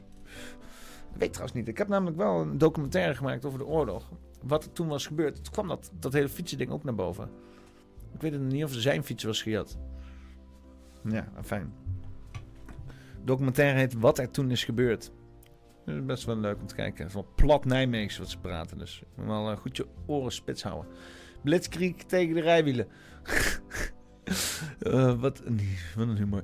Voor het Rijksmuseum is Amsterdam uh, sprongen Duitse soldaten tevoorschijn en hielden fietsers aan. De luidkeels protesterende eigenaar werd van zijn fiets getrokken en de soldaten reden weg met, met, met een buit weg. Via pamfletten werd de burgerbevolking opgeroepen om herenfietsen in te leveren. Vanwege burgerlijke ongehoorzaamheid viel de opbrengst echter flink tegen. En omdat de Duitsers met de maatregel de bevolking tegen zich in het harnas joegen, durfden ze niet al te hard op te treden tegen mensen.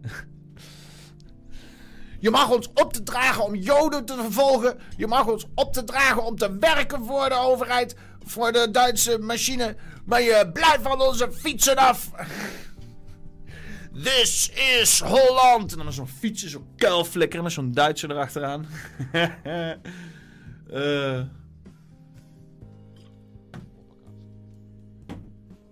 Ah, hier, kijk. Ik moet toch eens een keer wat gaan doen. Uh. Poppenkast. Wat is dit voor een poppenkast? Poppenkast. Ja.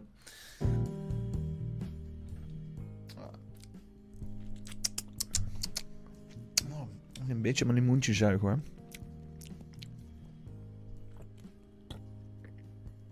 Ah, lekker man. Uh, Duitsland in het nauw. Ook uit de bezette Noord-Italië en Denemarken kwamen er fietsen naar Duitsland. de stroom aan fietsen. Jullie dachten dat de Joden vervolgd werden? Dan hebben jullie niet gehoord van de grote fietsenvervolging van 1944. Arme fietsen. Ook uit het bezette Noord-Italië en Denemarken kwamen fietsen naar Duitsland. De Wehrmacht had dringend vervoermiddelen nodig om de troepen naar het front te brengen. Want de Russen stonden, nog, uh, stonden, op, om, uh, stonden op nog geen 600 kilometer van Berlijn. Nog geen 600 kilometer. Ik schat van twee keer Nederland. Uh, van Berlijn. En de Britten en de Amerikanen hadden Frankrijk en België al grotendeels bevrijd. Volgens een onderzoek van de Deense Koninklijke Bibliotheek gaf Hitler persoonlijk het bevel vanuit Wolfschanze in het huidige Polen, waar vandaan de Führer, das Führer, de verloren strijd tegen de geallieerden leidde. Ook vlak na de bevrijding Duitsers, de Duitse soldaten massaal fietsen. Ze moesten zich bij de geallieerden melden om ongewapend te worden. En ongefietst. Duitsers nemen fietsen in beslag bij het Rijksmuseum Amsterdam. Uh, wat een humor. Ja. De grote fietsenvervolging van 1944. We will never forget. Um, ja. Maar nu dus Polen. Dat op zich wel grappig is. Huh? Polen worden vervolgd door Duitsers. Duitsers stelen fietsen bij Nederlanders. Polen stelen fietsen bij Nederlanders. Zo cirkeltje weer rond. Zo cirkeltje rond. Ze doen elkaar gewoon nare dingen aan. En blijft de cirkel van ellende gewoon bestaan. Totdat we uiteindelijk gewoon eh, onszelf uitroeien. Of een keer tot besluit, komen dat we elkaar geen nare shit moeten aandoen. Dat je dan zelf ook veel beter af bent. Maar ja, misschien werkt het gewoon niet zo. Weet je wel. Kijk, hè? Ik bedoel, eh, ik doe niemand nare shit aan. Maar ja, ik heb ook al gewoon eh, zes weken hetzelfde t-shirt aan. Je weet hoe deze wereld werkt. Ach ja. Duitsers. En wordt van mensen zeggen, is er geen Doc Collins meer? Zeker wel. Zeker wel is de Doc Collins. Ik, kan ook wel, ik heb ook eigenlijk wel zin in misschien ook wel een glaasje eigenlijk. Ik pak zo een glaasje. Ik heb hier ook nog, ik heb, ik, heb hier van alles staan, maar geen Doc Collins. Staat in de keuken. Zelfs vanille weer. Of ja, hij is alweer bijna half op. Het is echt moeilijk om die substantie in die fles te houden, jongen. Het is echt. Oh, het spul is zo. Het is dodelijk. Het is een dodelijk spul. Buitenland. Wat hebben we nog meer in het buitenland? Buitenland. Eh, waar zijn nog meer gaan in het buitenland? En wat zijn we aan het doen daar in het buitenland? Buitenland. Russische maanmissie mislukt. Luna 25 crash na abnormale situatie. Oh. Oh. Russen die naar de maan gaan is al niet op zijn minst een abnormale situatie. Maar de situatie was nog abnormaler. Lijp. Lijpe situatie. Let's check this out, bitches. Het is jammer dat die reclame niet wegkrijgen. Hè? Sommige streamers die doen het dan zo goed, dan weten ze al gewoon met die artikelen dat het dan al zo hoort en zo. Het is eigenlijk zo'n standaard afmeting dit, weet je. Dus je kan eigenlijk gewoon standaard ervoor zorgen dat dit en dat weg is. En dan zou je het episch kunnen maken. Russische maanlandingmissie mislukt. Luna 25 crash na abnormale situatie bij Rangeren. Wat? Ruslands eerste maanmissie in 47 jaar is mislukt. Het landingsvaartuig Luna 25 crashte in de maan nadat het, nadat het in een ongecontroleerde baan rond het hemellichaam was gedraaid. Meldde het Russische ruimtevaartbedrijf Roskosmos.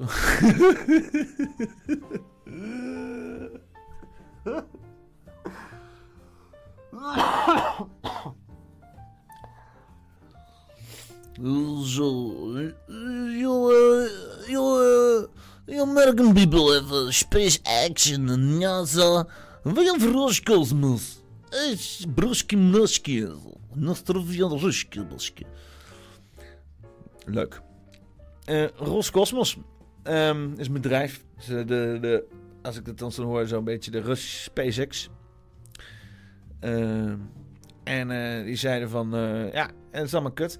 Kan ook zijn dat oorlog, dat mensen ze ervan voorkomen hebben dat ze niet kunnen, kunnen doen.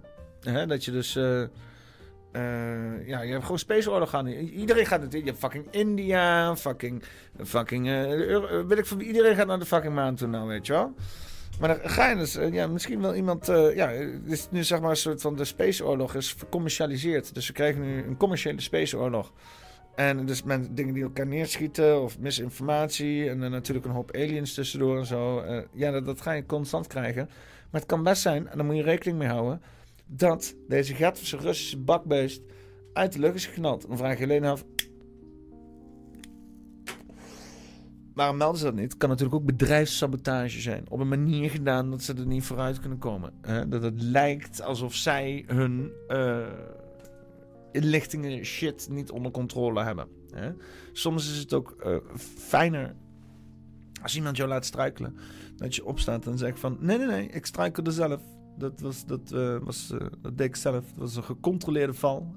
soms oefen ik gewoon even om op de grond te liggen en te rollen. Snap je? Dat oogt controle, zeg maar. Dat, dat kan een. Maar afijn.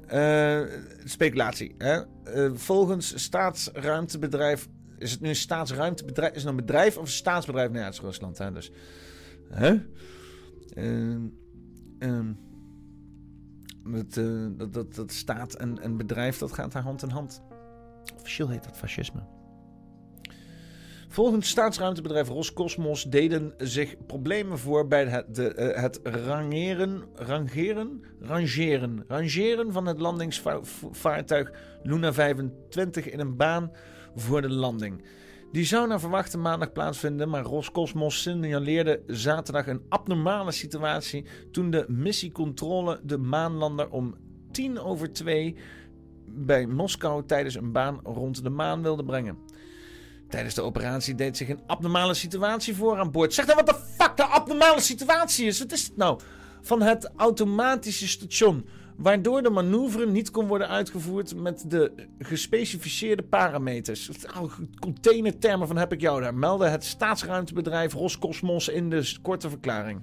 Ik kan het even zin om Roscosmos te zeggen. Roscosmos zei dat specialisten bezig waren om de situatie te analyseren, maar gaf daarna geen updates meer over Luna 25 en beantwoordde zondagochtend ook geen verzoeken om uitleg, berichten Reuters. Ja, het kan natuurlijk ook zijn dat eh, het gesaboteerd is op een manier dat ze er niet vooruit kunnen komen, weet je wel. Dat kan ook. Op niet geverifieerd of dat ze het zelf niet weten. Dat ze het gewoon niet kunnen blamen, weet je wel. Dat ze gewoon zeggen van, oh, we zijn gesaboteerd, maar we weten niet door wie. Ja, dat is kut. Ik kan ook beter niks zeggen. Ik kan beter zeggen van, oeps, testrun. Op niet geverifieerde Russisch-talige telegramkanalen circuleerde volgens het persbureau al berichten dat communicatie met de landingsvaartuig verloren was gegaan. Onder de kop bron uit ruimtevaartindustrie Luna 25 is verloren meldde de krant Moskovski Komsmolets dat Alexander Ivanov, de eerste adjunct-directeur van Roscosmos, zaterdagavond een spoedvergadering hield over de situatie. Oké.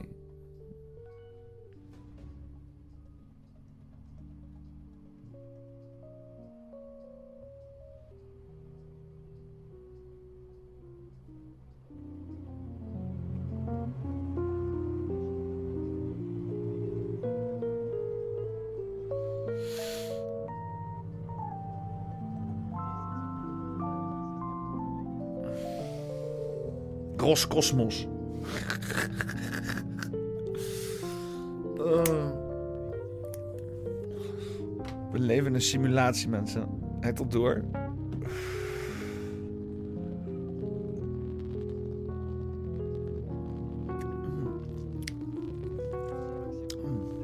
Ah, een beetje om, om een citroentje knauwen. Ja. Nou, dus uh, is Roscosmos niet gelukt om een uh, gratis uh, vuurpiemel op, op die ruimtekaas te mikken. Jammer. Volgende keer beter. Aliens. Wat? Buitenland. Kilmore belaagd door toestroom nieuwsgierigen, mogelijk na toename van geloof in mystieke fantasiefiguren en buitenaardse wezens. Oké. Oké. Let's go.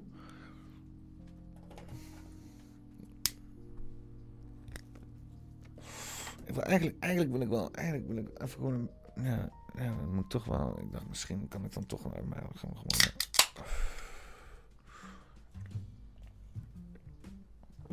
Uh. Enfin, in de, stad, in de afgelegen stad Kilmore heeft zich de afgelopen maanden een opmerkelijk fenomeen voorgedaan. Een plotseling en ongekende toestroom van nieuwsgierigen uit alle hoeken van het land. Deze toestroom, toestroom wordt grotendeels toegeschreven aan het, de groeiende populariteit van mystieke fantasiefiguren en het toenemende geloof in buitenaardse wezens. Terwijl deze fascinatie voor het bovennatuurlijke in het plaatje uh, in de schijnwerpers heeft gezet, heeft het ook de uitdaging met zich meegebracht voor de lokale bevolking en autoriteiten. Oké. Okay. Aliens. A-Regions. Ruim 50 jaar weer grote zoekactie naar mythische monster van Loch Ness. Wat? Ik dacht, we gingen toch, we gingen toch Aliens kijken, of niet dan? Zijn het twee? Nee, dat is hetzelfde fucking... Uh... Nou, uh, laten we even googlen dan. Vrijwilligers van over de hele wereld maken zich klaar voor een nieuwe zoektocht naar het mythische monster van Loch Ness. Zaterdag en zondag gaan ze bij het Schotse meer aan de slag. Volgens de organisatoren gaat het om de grootste zoekactie sinds 1972. Nessie! Daar gaat Mickey blij mee zijn, joh. Die, wil, die vindt het wel leuk. Die, uh, die is er nog steeds volgens mij van overtuigd dat... Uh, dat Queen Elizabeth het Loch Ness monster was of zo, volgens mij. Zoiets dergelijks. Dus misschien is eh, Queen Elizabeth weer teruggedoken in het uh, Loch Ness meer. En dan vissen ze er zo uit. Dan kunnen ze alsnog van die, uh, van die oude reptiel afkomen. Bij de operatie vliegen drones met infraroodcamera's over het meer. Zoekt een hydrofoon naar ongebruikelijke onderwatergeluiden en posten vrijwilligers op verschillende uitkijkpunten. Naar verwachting sluiten honderden enthousiastelingen zich komend weekend, zowel online als offline, aan bij de grootste zoektocht naar het mysterieuze wezen in ruim 50 jaar. Het Loch Ness Center in Drumnagdrochit. Wat? Drumnadrochit. Oké, en vrijwilligersteam Loch Ness Exploration eh, organiseren het event. Nessies bestaan is vaak ontkracht. Het zou een wonder zijn als ze Nessie vinden, want het bestaan van mythische wezen is al meerdere malen ontkracht. Ja. Eh, er is, uh, uh, er is, er is zoveel ontkracht. Oversterfte, oversterfte is ontraden. Oversterfte is ontraden. Maar ja, dat het ontkracht is, betekent niet dat het niet bestaat. Allerlei ideeën doen de ronde. Zo werd gesproken van een prehistorisch reptiel, zoals een Pleistosaurus of een gigantische grote steur. Dat wil een anticlimax zijn. Oh, wat een mythisch wezen. Ja, een grote vis. The fuck. Um, wetenschappers onderzochten het water in 2018 op DNA. Dat luidt op de aanwezigheid van bijzondere en grote dieren. Maar daar zijn geen aanwijzingen voor, concludeerden zij. Oké. Het is onze hoop een nieuwe generatie Loch Ness enthousiastelingen te inspireren, zegt Ellen McKenna van Loch Ness Exploration tegen de Britse krant The Guardian. Mensen lopen gewoon uit te hoeren. Lopen het gewoon uit te hoeren. Ja, kijk aan. Ik zit hier al uh, Loch Ness dingen te doen. Nou, uh, zoals we allemaal weten, uh, wordt er natuurlijk ook gewoon gruwelijk misbruik gemaakt. En dan heb ik ook nog eens een keer een fucking telegraaf item waar, waar, waar een ding op zit. Even kijken of ik.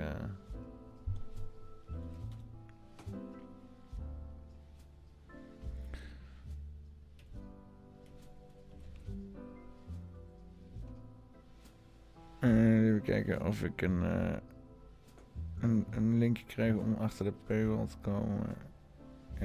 Ik, kan hem zo snel niet vinden. Ik kan hem zo snel niet vinden. In ieder geval krijg groeiend geloof in fantasiewezens, vooral buitenhuiswezens. wezens. Ja, dat is waar. Dat is zeker waar.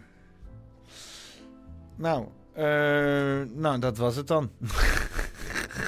Goed samengezet, jongens. Uh, um, ja, weet je, uh, kijk die hele alien shit en natuurlijk mythische wezens. En kijk, het is magisch denken. Hè? Dus vooral geloven in dingen die, die, die, die, die niet zozeer hard bewezen zijn. Dat of naar geloven, weet je wel. Of er in ieder geval nieuwsgierig naar zijn. Want dat is wat mensen ook al vaak doen. Die douwen je in een geloofhoek. Oh, jij zegt dit, dus daarom geloof je dat. Nee, dat, uh, ik heb het gewoon over dingen, weet je wel. Ik ben gewoon op zoek. Ik ben, het is gewoon leuk. Laat me checken, weet je wel. Maar ja, dat, dat hele magisch denken, ja, dat is in mijn, mijn, mijn optiek is dat. Uh,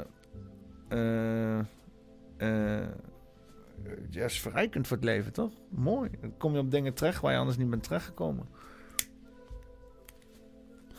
Het leven is ook absoluut iets om te verwonderen. Dus ja, waarom niet? Ja, hè, of dan zo'n bedrijf fucking geld zit te cashen daar vanwege Loch Ness tours. Ja, hè?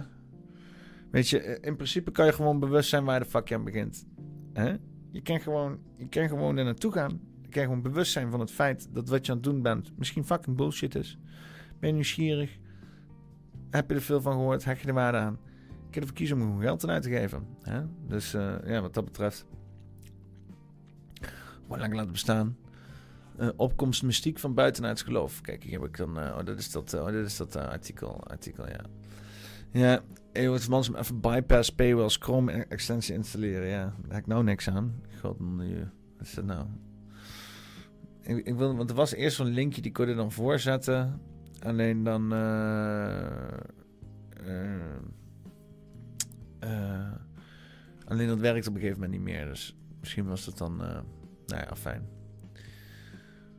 Maar ja, eh, aliens hoort er ook gewoon bij. Aliens is ook gewoon eh, eh, mystieke, mystieke wezens. En eh, ja, dat is ook waarom ik Mickey zo leuk eh, vind om mee te praten. Dan praat je eens een keer over dingen waar je normaal helemaal niet over praat of nadenkt. En eh, is het dan eh, echt of niet? Ja, dat maakt er allemaal geen uit. En, en dat maakt gaandeweg ons, ons, ons, eh, onze realiteit, zelfs op heel korte termijn, steeds minder uit. Wat echt is of niet. Wat men gelooft of niet. Integriteit zit in het hart, niet in de uitspraken die je doet of je imago of zo. Maar ja, in ieder geval. Ehm, paranormaliteit. Ben je benieuwd naar paranormale opvattingen die zich verhouden tot overige poppenkasten? Doe de gratis test. Wat hebben er nou dan weer tussen gestopt? Is er weer voor shit? Algemeen. Test je paranormaliteit. Eh.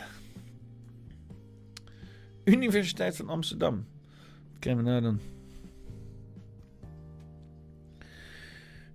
Universiteit van Amsterdam. Test hier uw eigen pa- paranormale opvattingen. Bent u een scepticus, puur zang of longt u het bovennatuurlijke? Beantwoord de 28 vragen en krijg een persoonlijke sceptische score.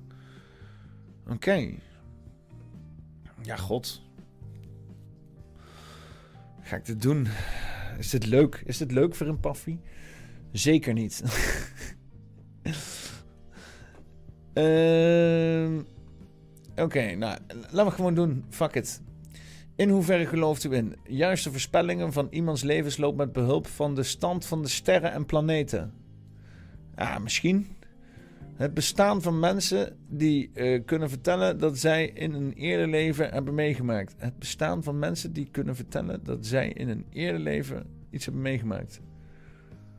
Eh, ja, zoals ik erin sta, waarschijnlijk. Maar niet, ja, gewoon, weet je wel. We hebben allemaal alle levens meegemaakt. Alleen dan sommige dingen resoneren misschien op een of andere manier.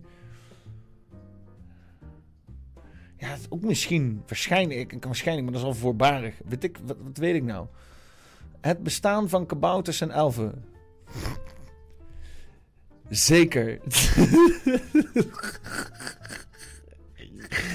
Sowieso zijn de kabouters en elfen. What the fuck? Laten we eerlijk wezen, jongens. Kom op, zeg. De mogelijkheid om met bovennatuurlijke wezens te communiceren door een Ouija-bord. Glaasje draaien. Ja. Ja. Ik heb het eens gedaan, weet je wel. En dan is iedereen helemaal opgefokt. Jij beweegt hem. Nee, jij beweegt hem. Niemand beweegt hem. Ja, misschien. Het kan mij ook interesseren. Het bestaan van geluksgetallen waarmee men eh, zijn geluk kan beïnvloeden. Ja, sowieso, natuurlijk. Dat, maak je er zelf van. Het bestaan van geesten en spoken. Eh, waarsch- waarschijnlijk wel, wat de fuck het dan ook zijn. Misschien een of andere interdimensionale glitch of zo, maar...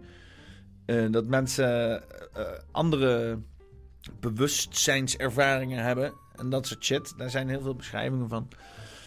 En eh, ah, ik weet niet. Ik weet het niet. Ik kan net zo goed misschien in, invoeren, weet je wel. Maar ik ben er niet sceptisch in. Ik ben heel open-minded in. Het bestaan van geesten en spoken, ja. Ja, weet je wel. Als je hou- vasthoudt aan het conventionele idee van geesten en spoken... dat het dan een of andere voorouder is die aan het spoken is. Weet je wel, misschien. Het verplaatsen van voorwerpen zonder ze aan te raken met behulp van geestelijke kracht. Ik bedoel, telekinese of wat? Geloof je in telekinese? Nou, eh, ik heb nooit iets eh, meegemaakt dat ik dacht van, oh nou, eh, dat was... te- ik bedoel, ik heb een hoop Uri Geller gekeken, maar daar ben ik niet heel van overtuigd of zo. Ik bedoel, misschien kunnen we het wel, ik heb het gewoon nog niet gezien, weet je. Ehm, over, over het over zich afroepen van, van gevaar omdat men onder een ladder heeft doorgelopen. Ja, gewoon bijgelovigheid. Ja, eh, dat is maar net als jij inderdaad onder een ladder loopt, denkt dat er een hoop ongeluk gaat gebeuren, dan ga je fucking een hoop ongeluk gebeuren. Maar dat heeft niks te maken met die fucking ladder. Dat komt omdat iemand fucking ooit heeft gezegd: Oh, dat brengt ongeluk. Ja. Wat moet je dan met deze kutvraag? Moet- heeft niet ergens een vinkje van, dit is kutvraag. Ik zet die gewoon zeker niet neer. Gewoon alleen om te fucken. Contact met overleden mensen. Ja. Tijd is relatief. Ik weet niet, misschien. Mensen die gedachten kunnen lezen en zo kunnen vertellen dat iemand anders denkt of heeft gezien. Mensen gedachten kunnen lezen en zo kunnen vertellen wat iemand anders denkt of heeft gezien. Misschien het bestaan van gevaarlijke vervloekte plaatsen voor mensen omdat daar vroeger eens een misdaad werd begaan. Oké, dingen die blijven hangen, ja, dat vind ik wel waarschijnlijk. Ja, dat vind ik zeer waarschijnlijk. Het bestaan van engelen die op aarde goede daden verrichten eh, en mensen beschermen. Ja, interdimensionale wezens en shit. Ja, waars- waars- waarschijnlijk.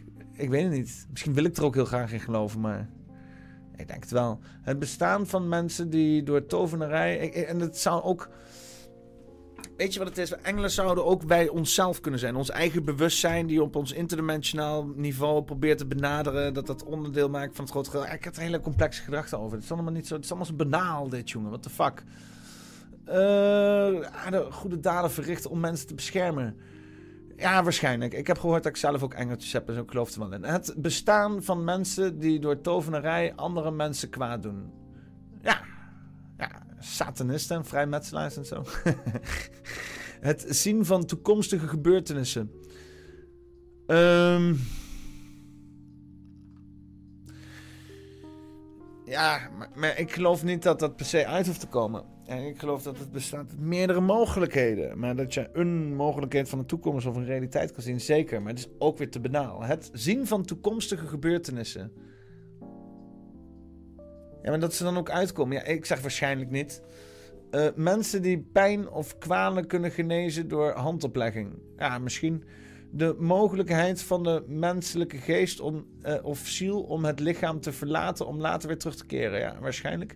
Het la- laten gebeuren van dingen door ze heel sterk te willen. Ja, eh, dat is mijn hele shtick hier, motherfucker. Dat geloof ik zeker wel.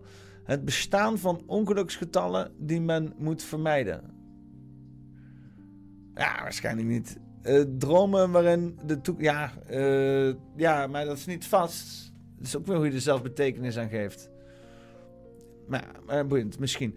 Dromen waarin. Waarschijnlijk niet. Ja, ik weet niet. Ik weet niet. Wat moet. Het is kutvragen zijn dit, jongen. Dromen waarin de toekomst voorspeld wordt. Misschien. Ik het zelf nooit meegemaakt. In het bestaan van mensen die door de duivel zijn bezeten en daarom allerlei slechte daden begaan. Ja, de duivel zijn bezeten. Och, kutdaden. Wat is dit voor, voor christelijke aftreksel van? Misschien hebben ze last van argonten of zo. ik weet niet. Ik, ik, ik geloof wel, ik zeg ook wel Matrix Attacks, weet je wel. Ik geloof wel in eh, interdimensionale invloeden op onze gemoedstoestand door bepaalde zaken. En, en dat je je daarvoor open kan stellen of zo, weet je. En dat heeft iets te maken met onze eh, interdimensionale projectie eh, in het eh, multiversum, eh, zoiets, weet je. Maar de duivel die slechte dingen begaan. Eh, misschien, whatever.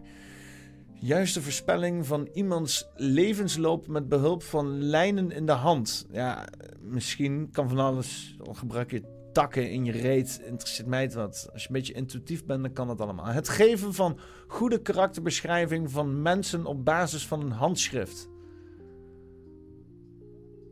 Ja, weet ik veel. Misschien, als iemand dat kan, dan kan iemand dat toch? Het beschermen van een huis tegen geesten door middel van beschermen voor beschermde voorwerpen en kruiden. Ja, ja, tokens en zo, weet je wel. Ja, misschien. Ik doe het zelf ook, maar ik weet niet of ik er super erg in geloof. Het, zien van dingen die men niet zelf heeft meegemaakt, zoals het verongelukken van iemand of een misdaad. Eh, zo, ehm, dus ook gewoon kijken in de het zien van dingen die men niet heeft. Ja, gewoon uit andere levens. Nou, was waarschijnlijk het opsporen van voorwerpen, waterbronnen en dergelijke met behulp van weggeroeders. Ja, dat geloof ik wel. Ehm, contact met wezens die afkomstig zijn uit andere planeten uit hele hal. Zeker.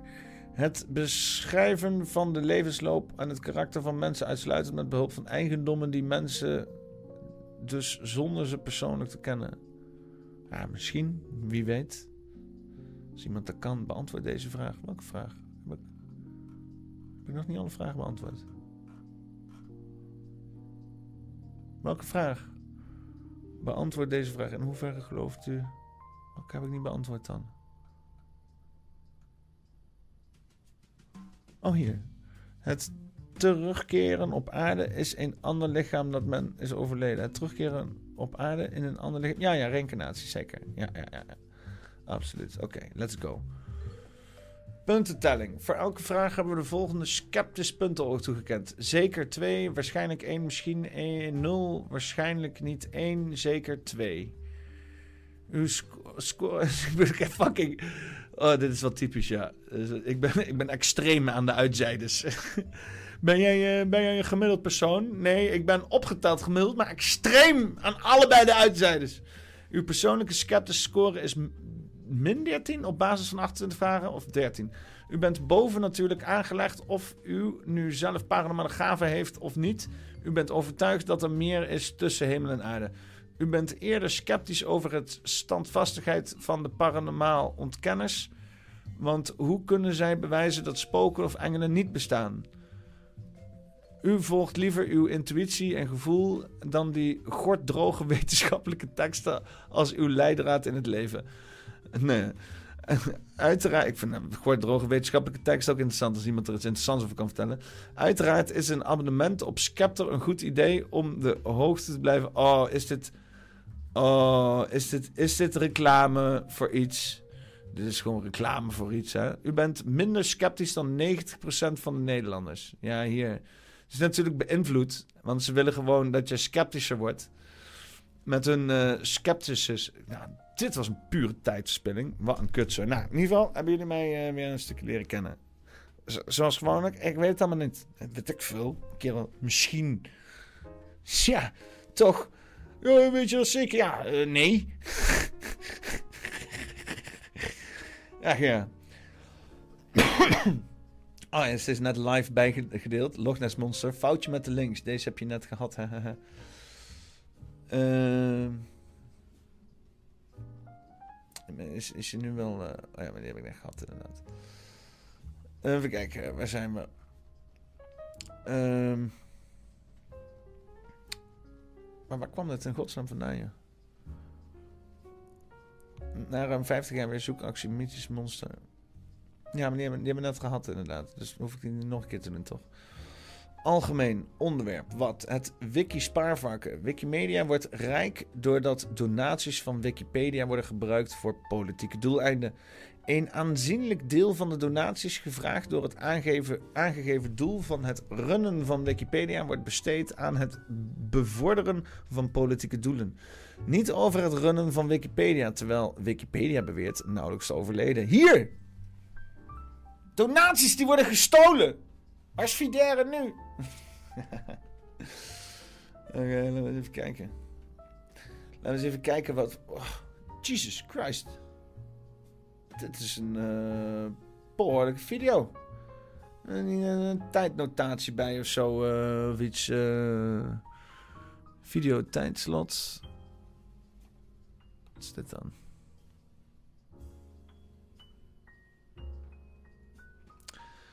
Nou, ik wil wel even een videootje aanzetten. Dan kan ik even rustig even een jointje, jointje draaien. Even misschien... Huh? even, chillen. Wat god, wat ben ik interactief bezig met deze podcast, uh, met deze paffie. Over the last two decades, Wikipedia has become one of the most visited and most referenced websites on Earth. Nearly every one of us is familiar with Wikipedia's regular requests for donations, including urgent sounding text along the lines of protect Wikipedia's independence and and without reader contributions, we could not run Wikipedia. That sounds pretty dire, right? Wikipedia must be in pretty rough shape. They need those donations, and they need them right away. If I don't donate, shoot, they, they might need to shut down, and surely they run a pretty tight ship with some pretty lean and mean operations, right? And surely, surely, those funds that they have are being handled in a very transparent way. This is Wikipedia, after all. You know what?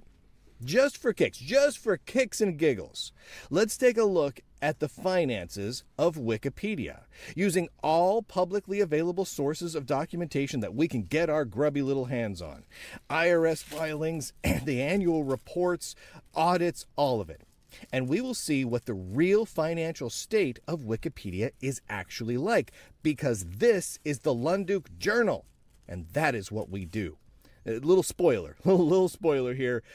It's all really weird. It's really, really, really weird, and it is highly sketchy. And also, and I think this is an important takeaway from all the things that you're about to hear, a ton of money donated for Wikipedia is not used to run Wikipedia.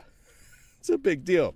Now, before we go any further, I want to say thank you to everyone who subscribes to the Lunduk Journal to make this possible. Everyone who subscribes over at lunduk.locals.com. You guys are getting uh, articles like this one. I wrote this article and published it a couple days ago. They've been enjoying it for a few days. I've been doing a ton of this sort of thing lately.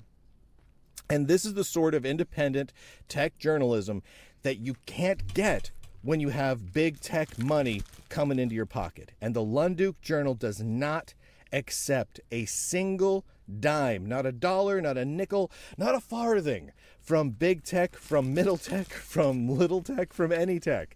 We run no advertisements from any company ever. It is purely supported by all of you. So thank you. Uh, if you haven't yet subscribed, go over to lunduk.locals.com. It makes these sort of investigative reports possible. Unlike Spence Duke Journal. No, no, no. Again, Gewoon the financial zelfpromotie. core of Wikipedia is the wiki. Over zelfpromotie gesproken. Toneer gewoon op de poppenkast. Ja, ja, ja, oprecht ja. Ja, omdat, het, omdat het prachtig is. Poppenkast. Of een t-shirt. T-shirt, jongen. T-shirt. Mooi man. Wat gaan we doen? Oh ja, Wikipedia. Wikimedia Foundation. The foundation itself is responsible for running the actual Wikipedia servers, and that is where everything else branches out from. Let's start with the most basic piece of information that we need. How much money does the Wikimedia Foundation receive in donations every year from people who believe that they are directly funding the Wikipedia servers and operations? well, according to the most recent IRS filings as of 2021, roughly $164 million for the year. Now, year on year, Wikimedia is seeing significant growth, with each year recording record donations, up an additional 9 million just between 2020 and 2021 alone. Now, while those numbers seem large at first glance, they really only tell a small part of the story. What if, for example, Wikipedia needs even more than $164 million every single year to keep operating? What are the various expenses of Wikipedia? Luckily, luckily, we have a high level breakout of expenses in the yearly Wikimedia Foundation audit. It turns out that the costs associated with the server hosting for Wikipedia in 2021 was just shy of $2.4 million. Now, but server hosting costs are only part of the equation, right? There's also other wages and travel and all manner of expenses. So let's add it all up. After all is said and done, and all revenue and expenses are taken into consideration, the Wikimedia Foundation received over $50 million more than they spent in 2021. Bam. In other words, they made 50 plus million dollars in profit. Now, that doesn't sound like an organization that is hurting for funding, does it? Let's take a look back over the last few years, starting way back in 2015, and chart out the yearly financials of Wikimedia. It shows some absolutely astonishing growth in terms of total assets, which includes money in the bank. There's a few items worth noting from that chart. Number one, server hosting related costs for all of Wikipedia related sites was 2 million in 2015 and it has remained mostly flat compared to income and other costs, only raising to 2.4 million as of 2021. And as of 2021, Wikimedia has over $231 million in assets on hand, ready to go. And that number is growing rapidly. I mean, just look at that blue line, it is shooting up. Now, assets and profit are growing despite a massive increase in salaries and wages from 26 million in 2015 to 67.8 million in 2021. So, let's answer a burning question here. Does Wikipedia desperately need your donations in order to continue operating? And the answer is clear no. Not by a long shot. In fact, if donations dropped significantly, there would be no hit to Wikipedia operations. Certainly. Je werd wel vet gespamd een tijdje op Wikipedia met zo'n grote knipperende knop. Oh, we moeten overleven. Doneer Wikipedia. Eh, en eh, heeft gewerkt dus schijnbaar. Heeft gewerkt dat ze zelfs geld over hadden en konden doorsluizen naar andere dingen. With you. Not for quite some time. When Wikipedia tells you they need your $5 donation to keep running, they are lying to you. They don't. In fact, this is just the tip of the iceberg. There are also two unique financial entities related to Wikimedia that are extremely strange the Wikimedia Endowment and the Knowledge Equity Fund. Let's take a look at those. Back in 2016, the Wikimedia Foundation established what is known as the Wikimedia Endowment with a goal of stockpiling $100 million worth of funding within the endowment. So, what is the stated goal of the Wikimedia Endowment? Quote, the Wikimedia Endowment is our enduring commitment to a world of freely shared knowledge now in perpetuity. Okay, that's really vague.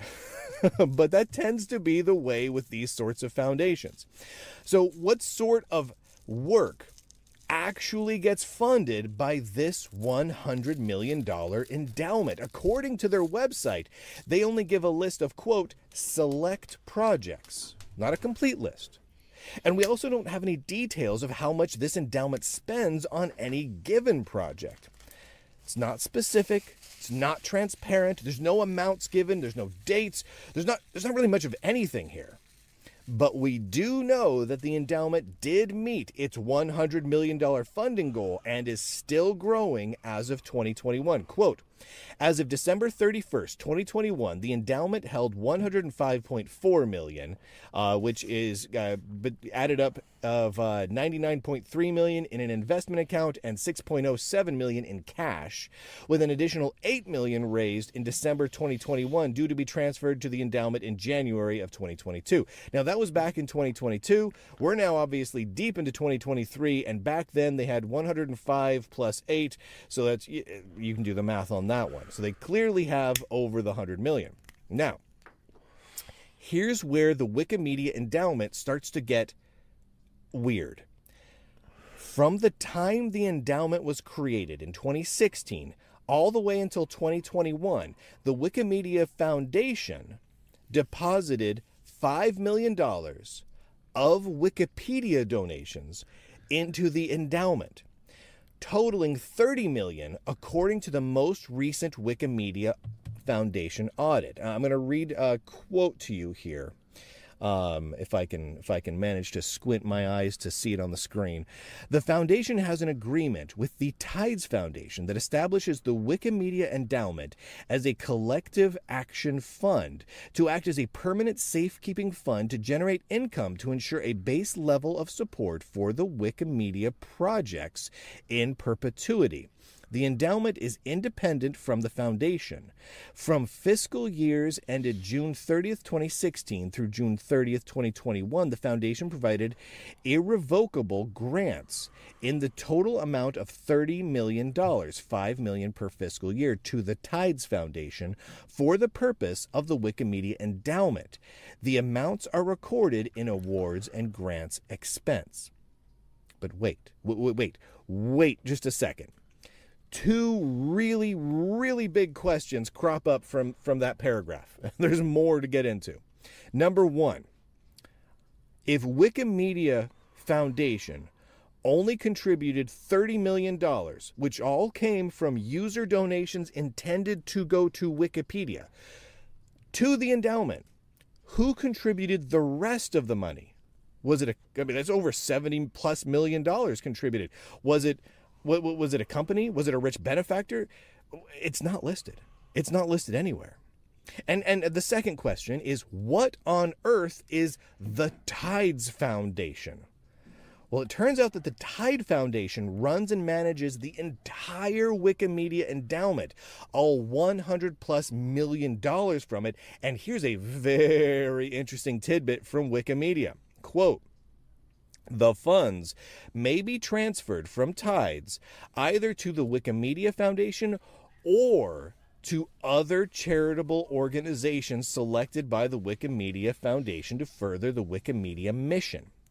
Now go ahead. Think about that. Think about that for a minute.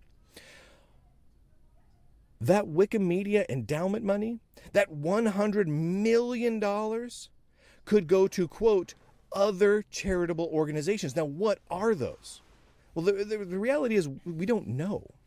There's close to zero transparency about it. Whoever the heck Tides is, they have an awful lot of power here when it comes to this Wikimedia endowment money, again, which has $30 million of Wikipedia donations in it. Now let's go further. What exactly is Tides? Well, this is what Wikipedia says about the Tides Foundations, and quoting Wikipedia here seemed an appropriate place to reference this considering the nature of this article. Quote, Tides Foundation is an American public charity and fiscal sponsor working to advance progressive causes and policy initiatives. Boom! Ja, en daar hebben we een beetje het punt. Dus, eh. uh, Overig geld wat in Wikipedia wordt gesluist, dat uh, verdwijnt op in uh, handen van politieke doeleinden. Misschien uh, voortgezet door progressieve ideeën. Mag je zelf uitkiezen welke politieke partijen erbij horen. Ja, zo zie je dus dat of het nou gaat over Burisma, die dan inderdaad de Biden sponsort. Of het nou is dat die, die FTX of die Sam Bankman-Fried uh, scandal met die gekke coin shit. Wat dan ook schijnbaar een van de gekke sluis was voor de democraten. Yo, er wordt met een partij... Of het nou Nancy Pelosi is, weet je wel, voor de democraten. Die ook gewoon keihard openlijk uh, uh, insider trading doet. En er zijn er nog een paar van. Ehm dat hele idee dat, dat, dat de, de progressieve mensen uh, de morele opperhand hebben, omdat de conservatieve mensen, en dan in Amerika is het dan de, de republikeinen, vaak corrupt soortje mensen alleen maar geld geven. En de progressievelingen daar, dat zijn de, de, de vrijgevochten hippies. Nee, echt niet. Echt niet. Als je anno 2023 denkt dat jij in een progressief uh, politiek soortje mensen uh, ethisch verantwoord gedrag hoogtij viert. Kijk maar naar wat er in Nederland uitkomt. Ook allerlei schandalen, corrupties, drugsgebruik, allemaal aan de linkerkant. Um, en ja, op een of andere manier wordt rechts toch altijd het meest bekritiseerd? En dat, dat is dan weer dat media-dingetje, dat, dat gewoon heel media heel links is. En de hele tijd zo'n beeld krijgt van rechts. Dat zijn allemaal onethische mensen. Terwijl de meeste onethische shit gebeurt aan de fucking progressieve kant van het spectrum momenteel. Hmm. Ja, dit is van internationaal. Ja, in Nederland ziet het ook hoor. Nederland is het ook gewoon, weet je. Ze hebben dan, zeg maar, Thierry Baudet hebben ze dan, uh, zeg maar, uh, ik veel gezegd van... Oh, je moet je dingen prijsgeven of zo. Uh. Ik denk ook wel, het zou best wel kunnen zijn dat ze nu allemaal mensen erin schuiven in het hele kabinet die dan niet aantoonbaar uh, uh, compromissen hebben in hun financiële situatie. zodat ze Thierry Baudet er alsnog uit kunnen werken. Dat zou ook nog wel een dingetje kunnen zijn. Daar ik ook over na zitten denken. Ja, want dat hele Thierry Baudet dingetje, dat dan hij zijn financiën moest blootleggen. En dat hij zei, ja nee, dat doe ik niet. Alleen als iedereen het doet. En dat dan iedereen zei van nee, dat doen we niet. Maar dan schorsen we je wel voor een week. de meest belachelijke shit ever is. Uh, ja, dat toont gewoon aan dat er gigantisch veel uh, schimmige zaken gaande zijn wat betreft financiën bij alle partijen, bij alle politici, wat mij betreft. Weet je? Zo ben ik dan. Ik, ben dan zo van, oké, als niemand het erover heeft, dan is iedereen gewoon schuldig. Weet je? dat is, is uh, de enige manier om dat soort dingen goed aan te pakken. Cherry bouquet, zegt uh, van Mansen. Ja. Ja, ja. Ehm, ja, eh, gewoon, eh, gewoon dingetjes. Gewoon eh, standaard corruptie. Vlees. Dit, dit, hele, dit hele ding heet spacevlees. We hebben helemaal niks over vlees, vlees gedaan. Ga ik, het, ga, ik het, ga ik het doen? Ga ik, er nog, ga ik er nog iets over vlees hebben? Jongen, het was iets met... het kwam erop neer dat eh, vlees eten gewoon eh, heel gezond was. Ik ga het er nog wel even bij pakken. Kan ik het niet maken? Ik kan het, niet, eh, ik kan het eigenlijk niet maken. Dus ik, ik doe nog wel even afsluiten met een stukje spacevlees. We hebben in ieder geval het stukje, want we openen met een stukje space. Maar eh, we moeten ook gewoon even eh, afsluiten dan met een stukje vlees. Want anders doen we de titel gewoon niet eer aan. Ik hoop dat ik hem kan vinden, joh. Ik heb hem helemaal bovenaan gejanst. eh, volgens mij vandaag ergens of zo. Eh, down, bada. Eh, dat was eh, Toms uitgebreide reactie op mijn, mijn post, inderdaad. Ehm, even kijken. Ja, whatever. Hutske. Animal versus plant protein. Even kijken of we deze kunnen vertalen naar het Nederlands. Sowieso. Eh, dierlijke versus plantaardige eiwitten. Nieuw onderzoek suggereert dat deze eiwitbronnen qua voedingswaarde niet gelijkwaardig zijn. Wetenschappers ontdekten dat het 2-ounce equivalent OSEQ dierlijke eiwitvoedsel een grote biologische eh, beschikbaarheid van essentiële aminozuren EEA bieden dan dezelfde hoeveelheid plantaardige eiwitvoedsel. De studie daagt de Dietary Guidelines for Americans DGA's uit, die suggereren dat deze eiwitbronnen qua voedingswaarde gelijkwaardig zijn. Wat zit er nou weer, joh? Ga eens weg, joh. Fuck krijgen we nou dan? Bemoei je eens fucking niet met mijn scrollgedrag, joh.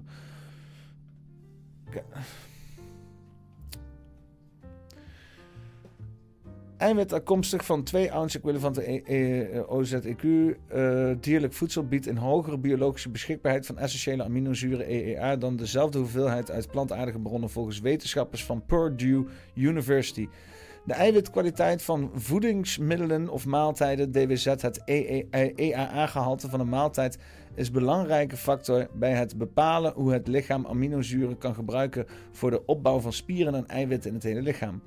De Dietary Guidelines for Americans, DGA's, leggen de nadruk op het consumeren van verscheidene, verscheidenheid aan eiwitrijke voedselmiddelen op basis van ounce equivalents porties met een vergelijkbare voedingswaarde.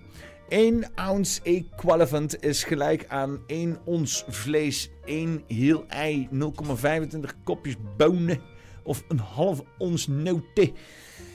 De basis van de DGA's eh, die stellen dat deze eiwitten voedingsmiddelen equivalent zijn en een soortgelijke voedingswaarde hebben, is onduidelijk, stelt Dr. Wayne Campbell, hoofdonderzoeker van dit onderzoek en professor van de afdeling voedingswetenschappen aan de Purdue University.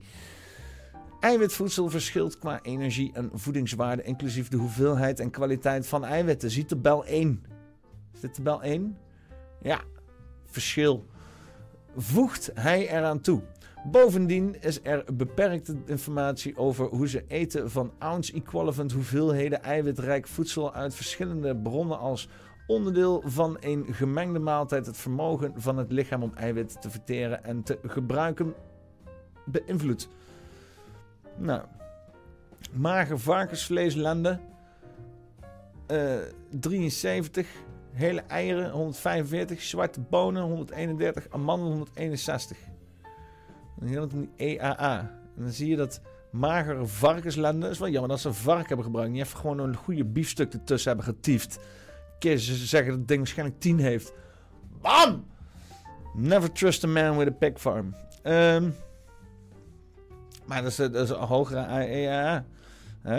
Dan moet je flink wat bonen vervreten. Bonen! Aangepast van cannoli et, et al. Oh, een beschrijving. Dit geldt ook voor populaties die mogelijk kwetsbaar zijn voor een gebrek aan variatie in hun eiwitkeuzes, zoals jonge, jongere volwassenen.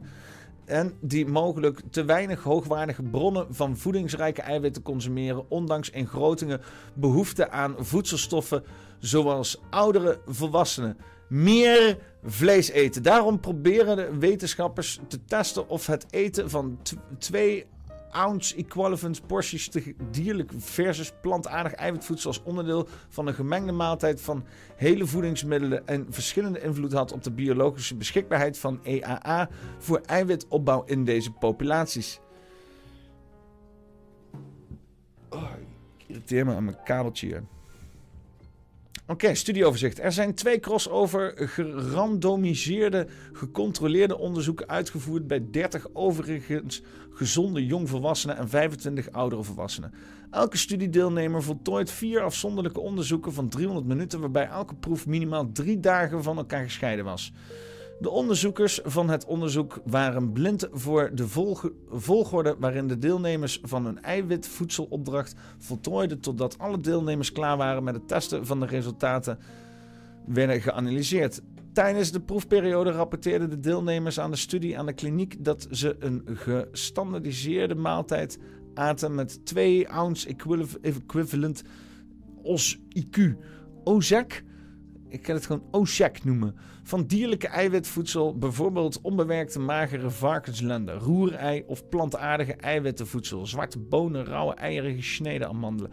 Er werden bloedmonsters genomen bij aanvang en 30, 60, 120, 180, 240 en 300 minuten na het eten om de biologische beschikbaarheid van EAA in de bloedsuiker te, en de insulineniveaus te bepalen. Dus, dat is wetenschap. Dat is grondig onderzoek. Is niet schreeuwen dat je gekwetst bent omdat er bepaalde dingen in de wereld gebruiken waar jij emoties van ervaart. Dit is research. Science.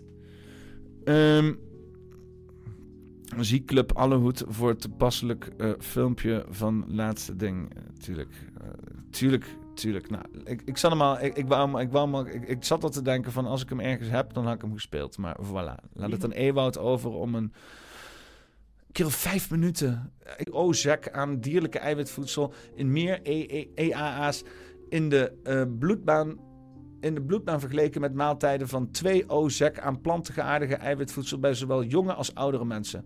Volwassenen, afzonderlijk en gecombineerd, legt Dr. Gavin Connolly uit.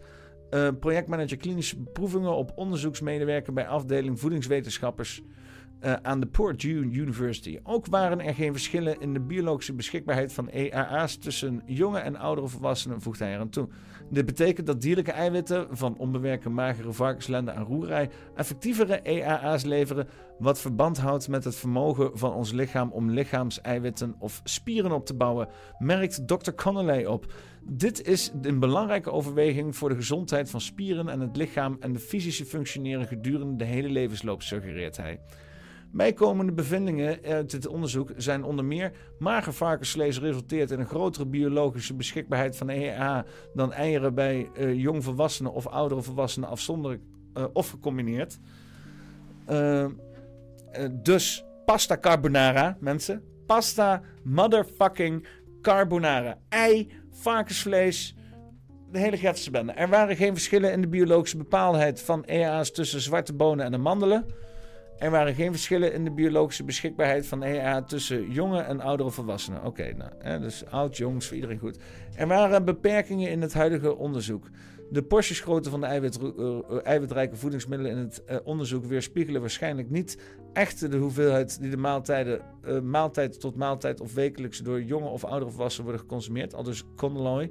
Bovendien waren er geen directe metingen van veranderingen in de spiereiwitsynthese of de eiwitbalans van het gehele lichaam als reactie op de maaltijden die de verschillende eiwitrijke voedingsmiddelen bevatten, legt hij uit. Aanvullend onderzoek is nodig om te begrijpen of de vers. Nou, oké, gewoon, dus weet je wel, gewoon eh, eh, schijnbaar blijken we vlees nodig te hebben. Laten we daar eens onderzoek naar doen. Weet je wel? Natuurlijk niet dat ga je niet krijgen van uh, de, de, Rockefeller Institute of de Bill and Melinda Gates Foundation of uh, invloeden bij de WEF of zo. Nee, die willen insecten. You will eat the bugs. Maar we hebben gewoon, uh, we hebben gewoon vlees nodig, mensen. Dat moeten we gewoon verstrijden. Gewoon die meat. En ook voor alle veganisten out there. Flik je kip naar buiten, ouwe. En kijk hoe, die, hoe lang die het overleeft in deze wereld. Flikker hem in het bos en loop erachteraan. Kijk hoe snel er een of ander fucking beest komt.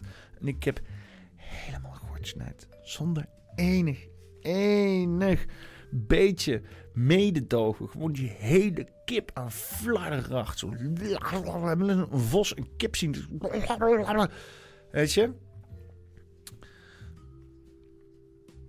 Ga je dan ook die vos aanklagen? Van, ja, nee, die vos is niet bewust. Nee, die vos, die vos die weet ons goed wat hij doet. Die weet dat hij een kip aan het vermoorden is. Je moet het vergeten. Vrijzen.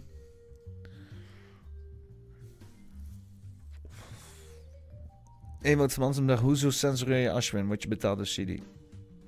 Ja. Ja.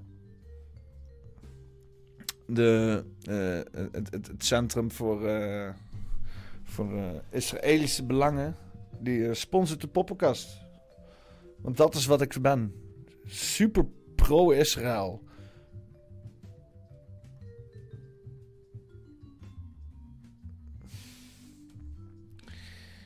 Ja. Gebeurt er nog wat in Israël? Worden er nog moslims vermoord daar?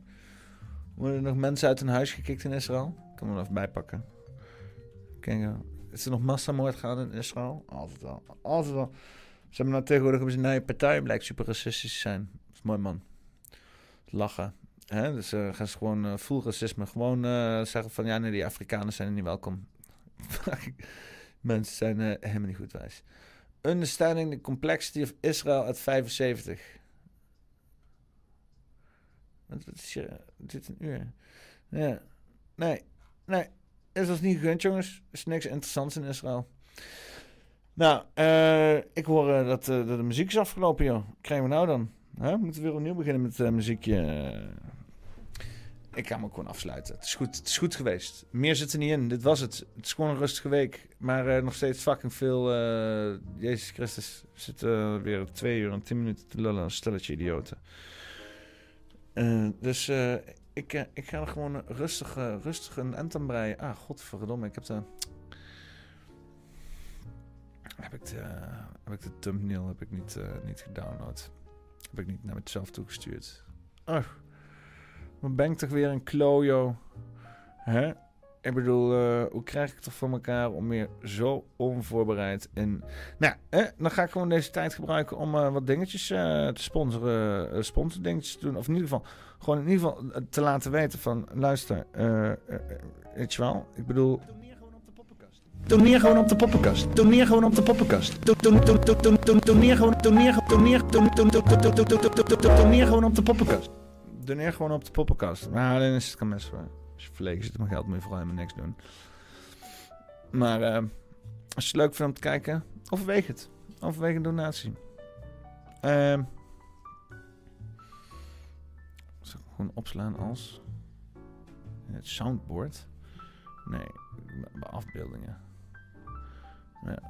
Dan kan ik hem hier gewoon openen, toch? Ah, kijk dan. Fantastisch. Gewoon uh, fullscreen. Hutskey. Oh, prachtig. Prachtig. Dat is nog nooit zo mooi afsluitscherm af, uh, gezien. Als, uh, als vandaag. Ja, dus nou, dan gaan we ze maar rustig afsluiten. Dus Doc Collins natuurlijk. Vergeet geen Doc Collins. Vergeet niet het glaasje. Vergeet niet de code poppenkast.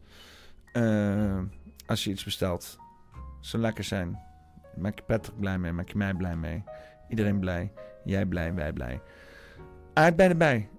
Um, en uh, voor de rest, uh, vergeet niet de poppenkast clips ook eens even te checken. Vliegende Holland doet haar best om van alles nog wat uh, daar een leuke shit te, te, maken. Dus dat mag gewaardeerd worden. Uh, God, t-shirts. T-shirts, t-shirts, t-shirts. En voor de rest, hou, shit in de gaten, mensen. We gaan, uh, gaan nog wat dingetjes organiseren. Zo. Lachen, gewoon lachen. Gewoon lachen dingen doen. Mooi man. Check ons in de Discord. even de chat afsluiten. Oh, natuurlijk. Hey, uh, even een poll beëindigen, jongens. Krijgen we nou dan? We hebben nog een poll openstaan. Dat is niet de bedoeling. Was jij wel eens wit? 31%, dat is racistisch. 29%, ik scheid mijn was niet. 22% geld sowieso. 15% alleen mijn sokken. Lekker mensen. Wie hangen er nog allemaal in de chat rond? Bas de Second, Vliegende Hollander, Dultje Leer, Evert van Mansum, Jelle Poel, Joost van, Braak, uh, Brakel, Jos Broersma, Mamsbroek, Peter Leeuw, Piepeloentje 68, René de Jong, Rick Peters, Roy de Liefste, Wil Gerrits. Bedankt, bedankt iedereen voor het uh, hangen in de chat. En uh, dit was uh, nummer 47. Spijsvlees. Ze zijn begonnen met space. Ze zijn geëindigd met vlees. En meer, van dat, ja, meer dan dat kan ik er niet van maken, jongens. Dus fijn om het even... fuck je aan het doen bent.